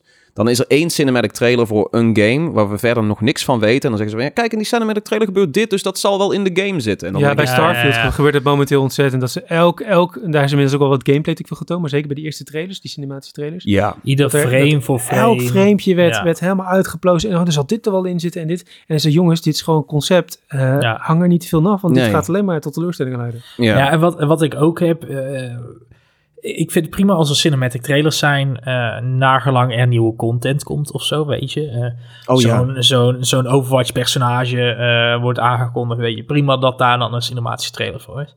Ik hoef niet 18 cinematische trailers voor Star Wars Jedi Fallen Order te zien of zo. Of hoe Nee, nee, het moet ook... Weet je, dat is één, één, cin- één cinematische trailer is dan prima, weet je. Daarna wil ik gewoon gameplay zien. Weet je, of De- geef een, één- een, een, een op drie. in-engine. 1 op 3. Vind Zou dat een goede... Veel, vind ik nog veel? steeds veel. Oh, als je drie hele lange deep dive gameplay video's hebt, Ja, maar dan, dan krijg je een ze, dat, cinematic. vaak, Ja. vaak zijn het dat niet, want het zijn vaak 30 seconden trailers of zo die uitgebracht worden. Plus dan eens in de twee weken een twee minuten durende cinematische trailer of zo. Ja, weet je, dat Ja. Ik heb ook hier heel erg bij cinema trailers dat het ook een doel moet hebben. Kijk, Ja. eh, bij, bij, bij de aankondiging van de game heeft het mooie doel om de sfeer van de game neer te zetten, om het idee neer te zetten. Ja. Dat voor iedereen duidelijk is van, oké, deze wereld gaan we straks voor ons krijgen. Daarna inderdaad wil je gewoon meer info, maar ik denk dat het bij andere games, zoals we noemden de Blizzard al, maar ik, waar ik groot fan van ben, zijn de filmpjes van eh, Respawn Entertainment voor Apex Legends. Ook Ja. goed, ja. Die brengt ook bij elk nieuw seizoen brengen ze één of twee korte eh, eh, cinematic trailers uit. En daarin vertellen ze eigenlijk het verhaal wat een beetje om die hele game heen zit. Wat je eigenlijk in de game zelf niet per se heel veel meekrijgt. Want je Nee. bent gewoon Ja, best heel hand spelen. Eh, en daar heeft het echt een toegevoegde waarde. Waardoor je veel meer eh, ja, binding krijgt met, met, met de game. Dat is ook Dan gewoon heeft het echt lore. een doel. Ja, Ja, Nee, dit- eigenlijk wel. En dan, punt, dan, ja. heeft het, dan heeft het een goede reden, weet je. Want het ook vaak... voor- Dan heb je voor een release heb je al zoveel trailers gezien... dat je eigenlijk het hele verhaal van heel de game al weet. En dat er... Films hebben hier soms ook last van. Dat die dan zulke Ja, trailers doen. eh, lange trailers, te veel trailers. En dan uiteindelijk weet je... Ja. iedere twist en turn van een film of een game weet je al... voordat je zelf ook nog maar op je stoel bent neergeploft. En dat, Ja. dat is gewoon kut. En dan zijn ze wel zwaar overrated, vind ik. Dat is wel fijn aan cinematic trailers, dat ze vaak niet datzelfde effect hebben als trailers voor films. Ze verspillen vaak niet zeg maar, de story beats of zo. Want de, die, ja, dat is weer heel iets anders. Die, die maak je mee in de game. Ja, Maar goed, cinematic trailers, allemaal prima. But there's a time and a place. Ja, ja, moet een beetje goed voelen. Precies.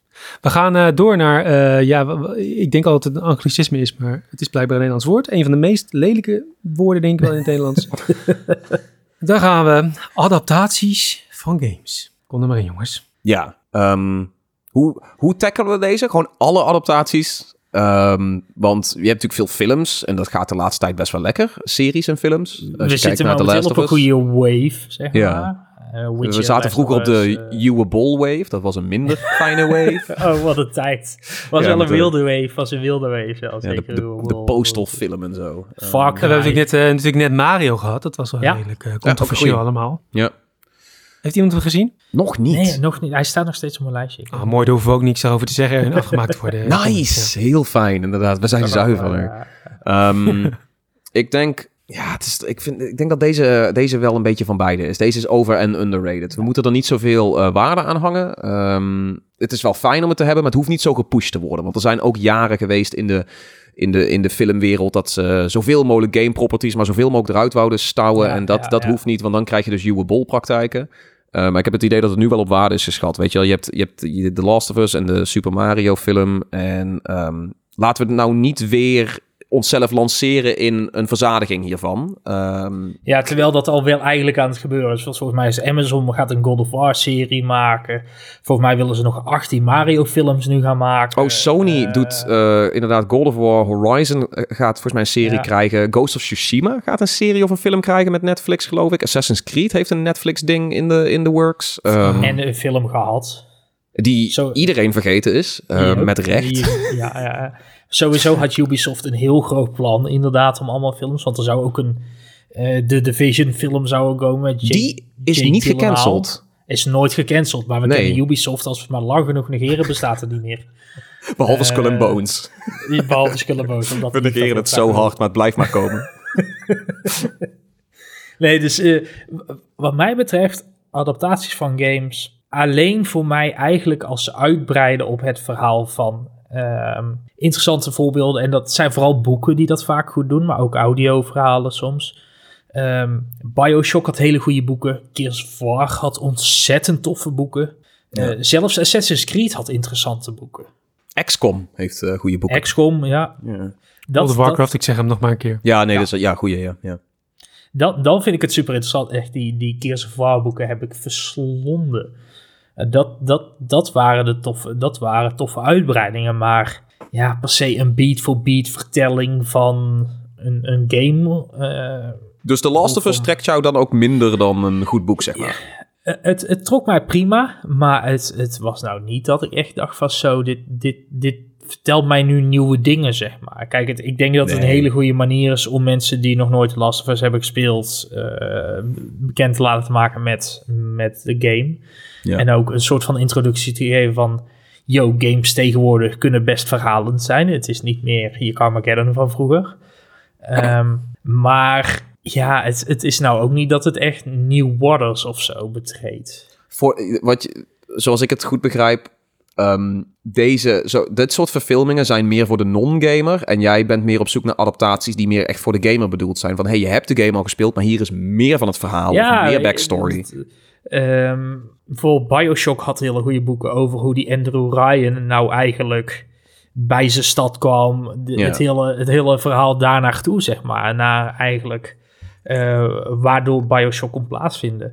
Eh, De gebeurtenissen tussen de Gears of War games, er zit altijd best wel een gat tussen, tussen die games. Die wordt helemaal met die boeken eigenlijk opgevuld. Ja. Plus lore van alles wat er daarvoor ook nog gebeurde. Dat zijn interessante verhalen, maar ja, eh, voor de rest hoeft het voor mij niet per se. Nee. En een ander voordeel aan natuurlijk boeken ook is, is dat je niet het probleem hebt met series of films, dat je opeens andere acteurs hebben die Ja. zeg maar de, de rollen uit de, de, de games hebben. Want de games zitten natuurlijk ook acteurs vaak, eh, vaak ook tegenwoordig helemaal voice acted en alles. Ja. Motion capture, Eh, alles. dat je, ja, ja, daar heb je gewoon helemaal al een, een voorstelling bij en een gevoel bij. En op het moment dat natuurlijk een, een, serie van film dat gaat doen, dan voelt het eigenlijk alsof het een hele nieuwe vertelling is. Terwijl in boeken kun je nog steeds zeg maar de personages uit de game voor je zien. eh, zoals je ze ook in de game ziet. Maar dan inderdaad met, met meer avontuur, meer verhaal, meer lore, eh et cetera. Dus ik denk dat dat ook wel wat lastig is aan, eh, aan series en films maken op basis van games. Want je altijd die, ja, je krijgt toch vaak andere acteurs en een andere, andere vertelling. Ja, ik vind dat drama dus wel leuk. Ik, vond, ik heb genoten van de eh, Sonic ziet er niet uit in zijn eerste trailer. Ophef. Ja, ik heb ja, genoten van de... Wat de fuck doet Chris Pratt in de Super Mario film? Waarom heeft hij zo'n rare accent? Eh, de- de- ik vind dat stiekem vind ik dat ook wel weer iets hebben of Oh ja, nee, het drama is geweldig, maar het is Ja. meer van moeten we dit met z'n allen willen? Nee, dat is, dat is een goed punt. Maar ik, ik wil wel eens drama, Robert. Jij hebt dat met het ESF. Ik heb dat met eh, boze mensen op Twitter over games. I love it. Ah. Geef me meer. volgende, volgende week na onze aflevering over eh, Eurovision heb jij het ook. Ja, nice. We gaan een andere con- controversieel eh, onderwerp aansnijden. Ehm, special editions, speciale edities van games die, eh, die allemaal beeldjes en posters en cd's en andere prularia erbij gooien. waar je dan even de portemonnee voor mag trekken. Ehm, ja, wat vinden we daarvan? Underrated. En Under- dan- Underrated. Ik wou Ja, dus vragen... eh, Geld moet rollen. Hoeveel, hoeveel hebben we er allemaal staan? Maar ik heb nu het idee dat Kevin een hele la, lade, of Ik nee, heb- ik heb- gewoon ik een, heb- een magazijn vol heeft. ik heb er vroeger veel gekocht, er zijn er ook heel veel van weg. Ehm, maar ik, ik wou eigenlijk zeggen, vooral underrated, die compleet achterlijke over de top limited special ultra editions die je had van ehm, ach, niet die GTA, maar ehm, eh, Saints Row. Saints Row had zo'n achterlijke editie waar je een Lamborghini bij kreeg. En Oh, er is, Dat ja, soort- er is zo'n dat- trend geweest. Was er niet ook een zombie game waar je een heel zombieproof huis bij kreeg of zo? zoiets, ja. Bij dat de is er eerste, eerste Dying Light of zo was Maar dat één zijn speciaal. geen special editions, dat zijn gewoon PR-stunts. Ja, Sorry, meer wel. Uiteindelijk We gaan wel, het maar ze even, zijn even wel over de special editions hebben voor de normale Jan met de pet, ja? Ja, gewoon die paarse dildo bij Saints Row 4 die iedereen kon halen. Ja. Weet je wel, Ja. wat vinden we daar nou echt van, Wat Kevin? vinden we daar nou van? Geen idee. Geen En gebruiken we hem nog? En gebruiken we hem nog? Want dat is het ook, hè, heeft hij zijn geld opgebracht? De- Hij is te lang. Nee. Ik had niet gedacht dat we bij dit onderwerp eh, de Peggy 12 eh rating mee. gingen Piggy laten vallen. 18. PG 18. Ehm, die, ik, ik heb er weinig, ga ik, Ja. ga ik zeggen. Ik vind ze vaak eh, een beetje tacky. Ja, Heel vaak zijn de vaak, beeldjes. Dan heb ik het ook wel op- misschien een beetje wat meer over de THQ-achtige edities en zo. Dat de beeldjes ook een beetje cheap ogen. Ubisoft heeft ook wel eens zo van, oh, hier is dan, weet je wel, eh, ehm, ehm, van Far Cry 6. Fisher. Ja, ja. Ja, er zit Ja, dan er heb wel eens... Fisher in je huis staan. Dat is altijd wel, vind ik altijd ook wel een beetje heftig. Ja, poei. Dat je dat midden in de nacht hoort, zeg maar. Ehm, nee, ik, ik, ja, oh god, eh, er is ook een keer dat ze zo'n hele slechte drone bij een eh Splinter Cell game eh, Ja, gegeven ja, hebben. ja, ja. En Ja, of met de Division hadden ze ook gewoon zo'n gewoon zo'n random agent als beeldje. Gaven ze Ja. weg. Dan denk ik, maar nu staat er gewoon een soort van random dude in mijn, in mijn Ja. straks. Dat, dat, dat, dat wil toch niemand? die, Nee, Als kijk, het is- is of zo, weet je wel, dan... Nou ja, wat, wat ik dus ook, hoeveel moeite wordt erin gestoken? Want dat is, dat is, ehm, dat had je bijvoorbeeld heel veel van de Ubisoft games hadden inderdaad al een grote box. En dan zat er zo'n box standaard beeldje bij wat niet heel veel voorstelde. Ehm, Wat verder ook, ja, ja, je hebt Sam Fisher inderdaad in je woonkamer staan. Lekker, lekker spannend. Terwijl, wat ik dus, eh, die heb ik bijvoorbeeld ooit wel gekocht. Ehm, Borderlands 1, denk ik, de Special Edition. Mhm. En die kwam, of dat was een limited edition, die kwam in zo'n weapon crate eigenlijk. Klein formaat, maar wel zo'n weapon crate. Zoals Oh ja, ja, de, ja, de loot crate. Of ja, niet Ja, de loot precies. crate, maar de... ja, zo'n loot crate inderdaad. Ja. En daar zat dan ook zo'n bobblehead van, van een van die personages van die, van die wapenverkoper, zeg maar. eh, bij wat je dus ook in de, in de game ziet. En die dus, die dus ook echt zo'n bobblehead was. En dan is het grappig, weet je. Dan, dan vind ik het een leuke toevoeging. Eh, die kun je ook nog gewoon erg neerzetten. Maar ik heb ook ooit de special edition van Dead Rising 2, gok ik. En dat was Dat is dan... iets wat je in huis moet hebben, ja. Ja, precies. Dat was dan zo- zo'n bebloede zombie... waar je een verkeershoren of een verkeersspion op zijn kop kon zetten, weet je. Ja, dat is... Ja. Mm, Leuk voor op de keukentafel. Ja, precies. Gezellig voor als schoonouders komen. ja, precies. Dat is ook wel het lastige aan heel veel van die beeldjes. Is inderdaad, dan staat het in je woonkamer of zo. En dan Ja. krijg je dat non-gamers precies van... waarom heb je hier een of andere rare, bebloede zombie eh, staan? Ik heb, ik heb nog steeds ergens, ik denk dat die nog bij mijn ouders thuis ergens staat, is de limited edition van eh, The Witcher 3 van Geralt, die op die... eh, of maar dat waren mooie beeldjes, toch? waren Zie- mooie beelden, maar waar, enorme beelden. En waar de fuck ga je hem neerzetten ook? Ja, Ja, midden ja, op je keukentafel, mm, ook niet echt. Ja. Ja, en dan is het ook op een gegeven moment van als je helemaal die drempel over bent dat je zo'n ding in huis zet, heb ik altijd iets van, nee, maar dan wil je die, zeg maar, die van de volgende game wil je dan ook. En dan heb je op een gegeven moment zo'n plank vol staan. Nou, Als dat je ding is trouwens, hè, helemaal lekker doen. Maar ik, ik, ik heb dus via heb ik zo'n plank vol staan met Kratos en dan staat dan Ezio staat daarnaast. En dan uh, Ja, ja, het is ook Eh, altijd zo lekker gematcht. en de Eloy ook nog ergens ziet er tussendoor eh Ja. probeert te kruipen. En denk, het is ja, niet echt feng shui of zo, nee. nee, nee, dat, ja. Ehm, wat is de mooiste? Dan ben ik wel gewoon benieuwd. Wat is de mooiste special edition dan wel figurine die je, die je hebt staan hier ergens? Want ik... Ja, lastige vraag. Nou, ik, Eh, ik denk niet figurine, maar dat is... Ja, nee, sorry, dat is ook geen game special edition. Ik heb ooit eens bij eh Koek en Bekker, dat is eh Utrechtse eh gamekunsthandelaar.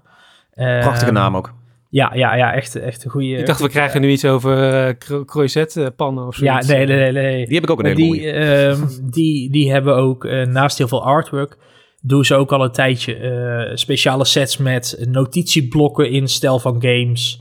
Eh, Oh ja. met, met, en daar heb ik op een gegeven moment een notitieset van eh, Horizon eh, Forbidden West, of eh, Zero Dawn toegekocht met twee notitieblokken. En een hele mooie poster, die zou ook, of tenminste eh, artwork zeg maar, die zij, die zij ook hebben gemaakt. En die hangt nog steeds boven mijn, boven mijn tv. Ik denk dat dat een van de mooiste is die ik heb hangen. Ja, maar En dan heb je ja, die Witcher 3. eh, Dit is wel echt Kunstige merch. Ja, die Witcher 3 Ja. is wel echt een, echt een special edition. Maar dit is, dit is inderdaad wel meer een soort van hele, hele high-end merch, zou ik zeggen. Koek en Becker sowieso maken echt ook hele mooie prints. Ja, maken Ja. ze. Die licenseren ze. En dan printen ze die heel mooi. Ehm, wederom voor de show notes misschien iets. Als je ja. veel te veel geld hebt en je houdt van games en je wil iets moois aan de muur hangen of in, de, in, in je bureaulade als notitieblokje, die hebben ze daar wel inderdaad, ja. Ja. Ik heb alleen van eh, Soldier 76 hier een, eh, die, die eh, limited edition van Overwatch heb ik dan staan. Oh, ook Een heel keer- specifiek. Ja, ja, ik vond Overwatch ook wel heel tof. En die kwam, was dan een keer als een cadeautje. En dan denk ik van ja, dat is wel oké. Maar ik, ik koop zelf bijna nooit limited editions of special editions. Want ik heb vaak zoiets zo van... Tegenwoordig helemaal niet meer. Nee, het is ook... Ik vond die van Star Wars er dan wel interessant uitzien. Van Jedi Survivor. Dat je ook echt een lightsaber krijgt. Maar dan heb ik meteen ook weer die twijfel van... Ja, dat zal er niet... Weet je, al zo'n echt mooi lightsaber Nee, zijn. Dan kun je beter gewoon een mooie, dat heb ik ook vaak, ja, dan kun je beter een mooie, eh, echte lightsaber kopen. Ja, de echte replica's, zeg oh, de maar. echte Dat- replica's, ja. Ja, dus dat, ik, ik ben er altijd heel erg huiverig voor. Maar heel soms zit er iets van, ja, dat is wel een mooi beeldje. Maar ik zoek het niet op, zeg maar. Dat is mijn. Nee. Dus ik zou zeggen overrated. Ja, ik ook overrated. Ik heb eh, wel, eh, wel eens inderdaad een, ik denk met Oblivion was denk ik de eerste die ik kocht. Maar misschien ook wel, als we of Warcraft even buiten beschouwing halen, mijn laatste special edition. Ja. Eh, gewoon omdat ik toen helemaal eh, hype voor die game was na Morrowind. Ehm Wat nooit zat er ook van gehad, maar dat was ja, een munt en een kaart en een boekje eh, en een dvd met eh, Behind the Scenes. Die, Ja. die dat is eigenlijk het beste aan het hele ding, die dvd. Niet eens de horse armor. Je kreeg niet eens de horse armor erbij. Nee, nee, nee, die kwam allemaal pas daarna. Dat was Ja. allemaal na launch pas. Ja. De eerste DLC, ja. en ik heb eh, wel... Nou, ik wou zeggen, nou, je- nou jij het over dvd's had, ehm, eh, games met een special edition waar dan een soundtrack of zo bij op disc. ja, dat, Dat ja, is dan dat is wel... cool. Persona 5 had ik die volgens mij. Eh, waar dan ook de soundtrack, of een deel in ieder geval, bij was. Ja, die soundtrack is sowieso fenomenaal. Ja, En dan ook heerlijk om hem gewoon op DVD te hebben. dat is een goeie. Of CD. Ja, of ja, ik eh, ben nog steeds altijd, eh, probeer die drempel niet over te gaan om ook zeg maar platen te gaan verzamelen, langspeelplaten van eh soundtracks Ja, van games. I am Van 8-bit. soundtracks. Is dat I am 8-bit? Ja, Die eh, handelaar die ook in eh, heel veel goede gaming soundtracks op LP doet. Ja, ja, die stond op Gamescom. Oh, ik heb daar echt, echt, echt Ja, denk ik wel een half is- uur staan twijfelen ja, ja, bij een aantal ja. platen, maar ik had zoiets van, ik heb al... eh, 60, ik moet 70 er wel euro of zo vaak, hè? Dat, ook, ze zijn heel duur. ze zijn echt prijzig, maar dan zie ik die van Viva Pinata en van Sea of Thieves en dan denk ik, Ja. oh, maar ja. Persona wil ik eigenlijk ook nog steeds een keer op Da- LP die is het wel waard, denk ik. Als je fan Ja. bent en die soundtrack is zo fenomenaal, dan zou ik zeggen van daar moet je gewoon voor gaan. Dat, eh, Eigenlijk als ik het goed samenvat, dan vinden we Special Editions gewoon, gewoon overrated, maar eh, Toffe eh, merch losse, specifieke merch moeten we wat meer waardering voor hebben. Ja. ja. Maar wel high-end merch. Ik denk dat dat, want die hadden we heel kort nee, op het lijstje staan. Eh, Kijk, die, Ja. die, die, niet die, Pikachu knuffels bij de action, nee. Nee, ja, mooie, precies. Die, die, mooie- Mario, die Mario mok, die kennen we ondertussen wel. Maar ge- geef, geef maar goede, specifieke high-end merch. Love it. Ja, high-end. Ja, je vindt uh, Kevin's pins. verlanglijstje in de show notes. Ja, ja, Onze Amazon wishlist. ja, inderdaad. is al wisselistjes. ja, ja, ja. Geef ons meer daarvan, alsjeblieft. We zijn al eh, bijna bij het aan- einde van deze under-over aangekomen, jongens, helaas. Eh, maar niet voordat we er even met een, ja, een beetje bijzonder onderwerp... eh, Hij komt ook van een bijzonder keer, persoon af. Laat Ja, het ja. Roald stuurde deze in en eigenlijk eh, past het niet binnen de kaders van tech, game eh, of culture. Eh, maar we, we konden hem toch niet, eh, toch niet laten. We gaan het hebben over eh, eh, de studiefinanciering. Het is te goed om hem niet op te pakken. Of moeten we ja inmiddels zeggen oh, de studieschuld. Maar eh, ja, Uh, Studieschuld is overrated. Studiefinanciering is overrated. Ik wil het, eh, ik wou het zeggen, ja, dat is, dat is inderdaad de vibe. Ehm, Nou ja, hoeveel duizenden staan we allemaal in de min, jongens? Krijgen we een hypotheek, ja of nee? Ik, ik hoop over een jaar of vijf een keer. Maar dat is, ik sta nog wel een, een eindje, een klein stukje in. de ja, een hypotheek krijgen is ook wel van meer factoren afhankelijk. Eh, eh, maar het is niet zo dat ik door mijn studieschuld geen, geen hypotheek zal krijgen. Maar Nee, nee maar jij bent, niet. jij bent ZZP'er, dus je krijgt sowieso geen hypotheek. Ja, Geen hypotheek. Ben jij dat ook niet, Tom? Eh, ja, ik ben dat ook. En mijn eh, hypotheekadviseur deed heel moeilijk over mij. Ehm, je wordt echt, ik, ik ga het zeggen, als ZZP'er word je gediscrimineerd. Eh, als, als student, als, als schuldhebbende student trouwens ook. Maar als, misschien nog wel iets harder als ZZP'er word je gewoon gediscrimineerd bij, bij dat soort dingen. Absoluut. ja.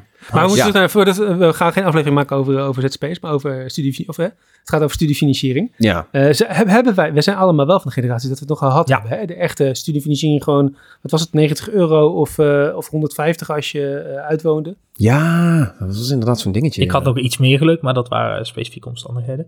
Ehm, ja. Maar ja, nee, ja, dat is, ik denk dat dat wel mij in ieder geval door mijn studie heeft eh, geholpen. Ja, het is anders ook niet te betalen, nu helemaal niet meer. Maar Ja. eh, Nee, ik, ik deed toen destijds deed ik een internationale studie. Daar gooiden ze dan voor de gein nog even eh, 700 euro in het jaar extra bovenop, boven je standaard Oh ja, HBO-kosten. lekker. ja, want daar moet je dan ook onderdak van betalen natuurlijk. Ja, onderdak, eh, nou ja, onderdak, eh, onderdak niet eens, maar ook nog gewoon eh, je, stu- je studieboeken en zo. Ja, dat kent iedereen Ja, natuurlijk precies. wel. Buitenlandse tripjes, al dat soort gein.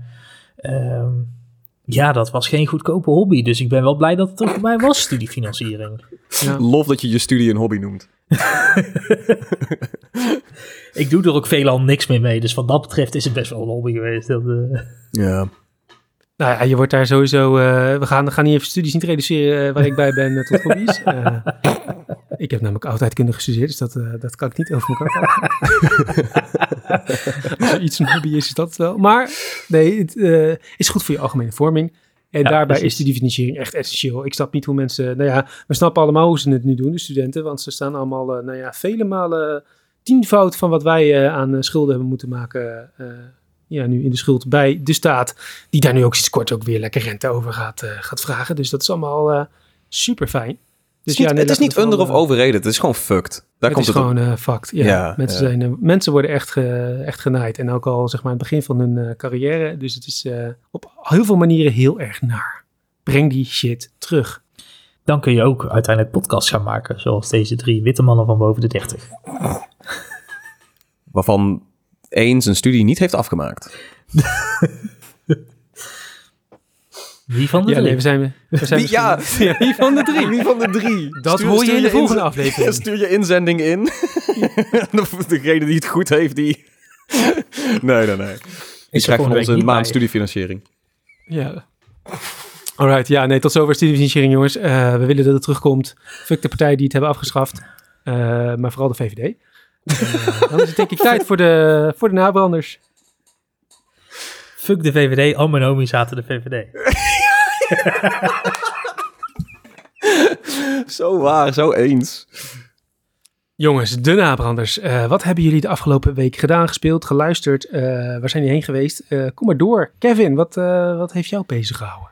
Ik, eh, ik heb de Division weer eens opgestart. En dan niet de Division 2, want als je mijn Xbox profiel ziet, dan komt die nog regelmatig voorbij.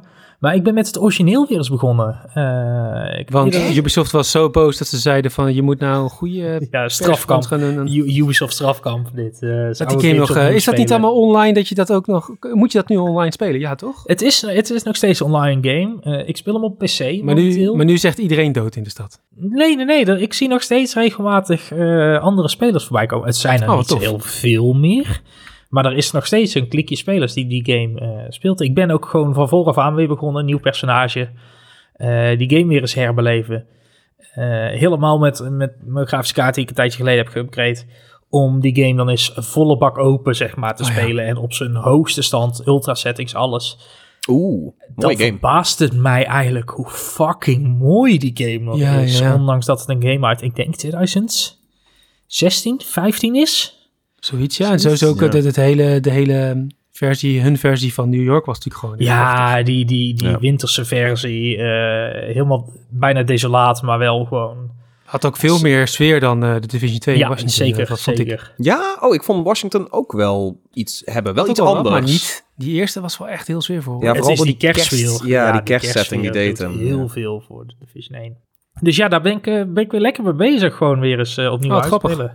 Ik, ik, ik zie dus nou op eh, de Steam charts, die zijn natuurlijk ook niet indicatief voor alles, maar ehm, in de laatste 24 uur hebben eh, in ieder geval 502 mensen die, eh, die game opgestart. Ehm, de Division 2 is ongeveer een 3-4-voud daarvan. Maar Ja. de Division Oh. 1 had een gigantische all-time peak en de Division 2 heeft een desastreuze all-time peak. Dus Ja, dat... ehm, Ik denk ook, ik vertelt denk veel. wat, wat, wat eh, natuurlijk ook wel eh, niet meehelpt, is volgens mij is de, zijn de Division en eh, Division 1 en 2 pas heel laat op Steam gekomen. ja. Ik heb hem zelf ook al allemaal via Ubisoft Connect tegenwoordig. Dat ja, dat was Uplay en toen Ubisoft Connect. Ja, ja, ja. precies.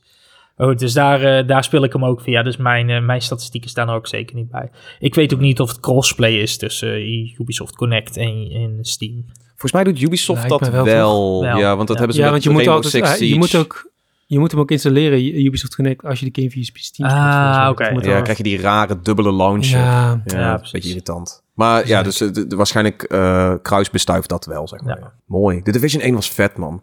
Ja, nog steeds. Echt waar. Ja. Nog altijd een aanrader. Ook als je hem nog nooit gespeeld hebt. Ik, ik dacht Eh. dus, jij hebt dit misschien opgepakt omdat Heartland nu onthuld is. Nee, dat, dat, het, is, het is al een tijdje onthuld. Ik ben er wel nieuwsgierig weer naar geworden. Maar sowieso eh, Ubisofts ondersteuning voor de Division. Ze hebben afgelopen week hebben ze een eh, Division dag gehad. Ehm, Ja.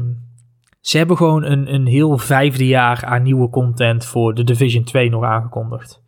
Wat ik echt... Dat, ja, dat was echt wel even een mindblown. Ook gewoon met aan het einde van jaar 5 nog nieuwe story DLC. Ja. als je echt nieuwe gewoon- games uitbrengt, dan moet je ook wel... eh, Ja, fair enough, fair games- enough. Maar ze doen het wel. Er zijn, er zijn Ja. genoeg, Nee, er zijn genoeg eh, uitgevers die, eh, die live service games een stuk sneller laten doodgaan. En Ja. Ubisoft. ja, ik denk dat dit Ja, ook dat niet indicatief is voor eh, naar, Skull eh, and Bones. Oh. Nee, dat is eigenlijk wel een mooi bruggetje naar mijn eh eh, eh, nabrander van de week. Ik ga even voor jou door, eh, Tom. Nee, tuurlijk. Ehm, want ik dacht dus ook dat Niet for Speed, nadat ik hem gereviewd had, eh, en hebben het dus over Unbound, die recent is uitgekomen, eh, ja, ten dode was opgeschreven en dat het nu gewoon klaar was, terwijl er best wel wat endgame content miste. Eh, maar die heeft gewoon een update gekregen, volume 2, eh, met allemaal dingen, vooral voor online, waarin je nu samen multiplayer dus kop-achtervolging of politieachtervolgingen kunt doen. Dus dat is heel leuk. Je, ja, je kunt eigenlijk nu gewoon de Fast and Furious letterlijk naspelen. Ehm, daarnaast heeft de Maf dat het er niet met release in zat over. Dat, Ja, het voelt wel een beetje als een update van... oké, Ja. dit had eigenlijk af moeten zijn bij release... en dat was niet zo, dus nu brengen we het nu uit. Maar dan nog, ik ben blij Ja. dat het er wel alsnog in is gezet. En eh, ook aan singleplayer zijn wat nieuwe... Uh, mondjesmaat, maar wel wat nieuwe dingen toegevoegd... zodat je ja, toch wat langer door kunt spelen. De open wereld nog even een keer eh, door kunt om wat nieuwe dingen te ontdekken. Eh, eigenlijk maar twee nieuwe auto's, maar dat hoeft eigenlijk ook niet heel veel meer. Er zitten volgens mij iets van 140 wagens in. Oh al. ja. En eh, in tegenstelling tot de Forza's en de Gran Turismo strooit niet voor Speed in, de, in zowel de campaign mode als online niet echt met auto's. Nee. Dus eh, de auto's die je vergaart zijn eigenlijk veel meer persoonlijk en die, de- je merkt ook dat je er veel meer tijd in doorbrengt. Dus ook eh, veel meer bezig bent met paintjobs en dat soort dingen. Ja, je past ook Dus je maar kan er dieper toch maar aan, met toch? eentje... Sorry? Ik wou, ik wou zeggen, je kan er toch maar met eentje tegelijk rijden, weet je. Dus dat scheelt ook dat. Ja, precies. Oh ja, ik, ik, ik wou dus zeggen, in Need for Speed kun je veel meer aanpassen aan de auto's Ja. ten opzichte van de gemiddelde Forza of Gran Turismo. Dat, eh, ja, en dat in Gran Turismo en Forza is natuurlijk ook veel meer geworden. Maar inderdaad, niet voor Speed rijdt wel weer veel meer om customization. Ja, En echt je eigen street look eh, ontwikkelen. Dus eh, ja, dat, dat kan met Volume 2 dus nog net even iets meer. Dat is leuk. Ik heb er een, eh, een achtergrondje over geschreven die, eh, die als het goed is, als deze podcast live eh, staat. Hij staat volgens mij nu al live, toch? Ja. Oh ja, hij staat al live, ja. Ja, dus ja, eh, ja. linkje staat in de show notes. Nieuwe Dan, eh, rapper? Zit er, ik, hoop, ik hoop gewoon dat ze meer rappers erin gooien eigenlijk. Dat was, dat was mijn... eh, ik vond het heel vet dat ASAP Rocky hierin zat. Eh, ja, ja, dat, ja, die was echt de, de, de, de, het hoofdpersonage, zeg maar. Niet per Ja. se van het verhaal, maar wel, eh, die stond wel voor op doosje, zeg maar. Ja, ik, ik ga gewoon heel goed op dat soort collaborations. Ik vind dat Nee, heel... geen dus ik hoop, geen, Geen nieuwe rappers. JPEG Mafia Ah, in de ja. nieuwe- Oh!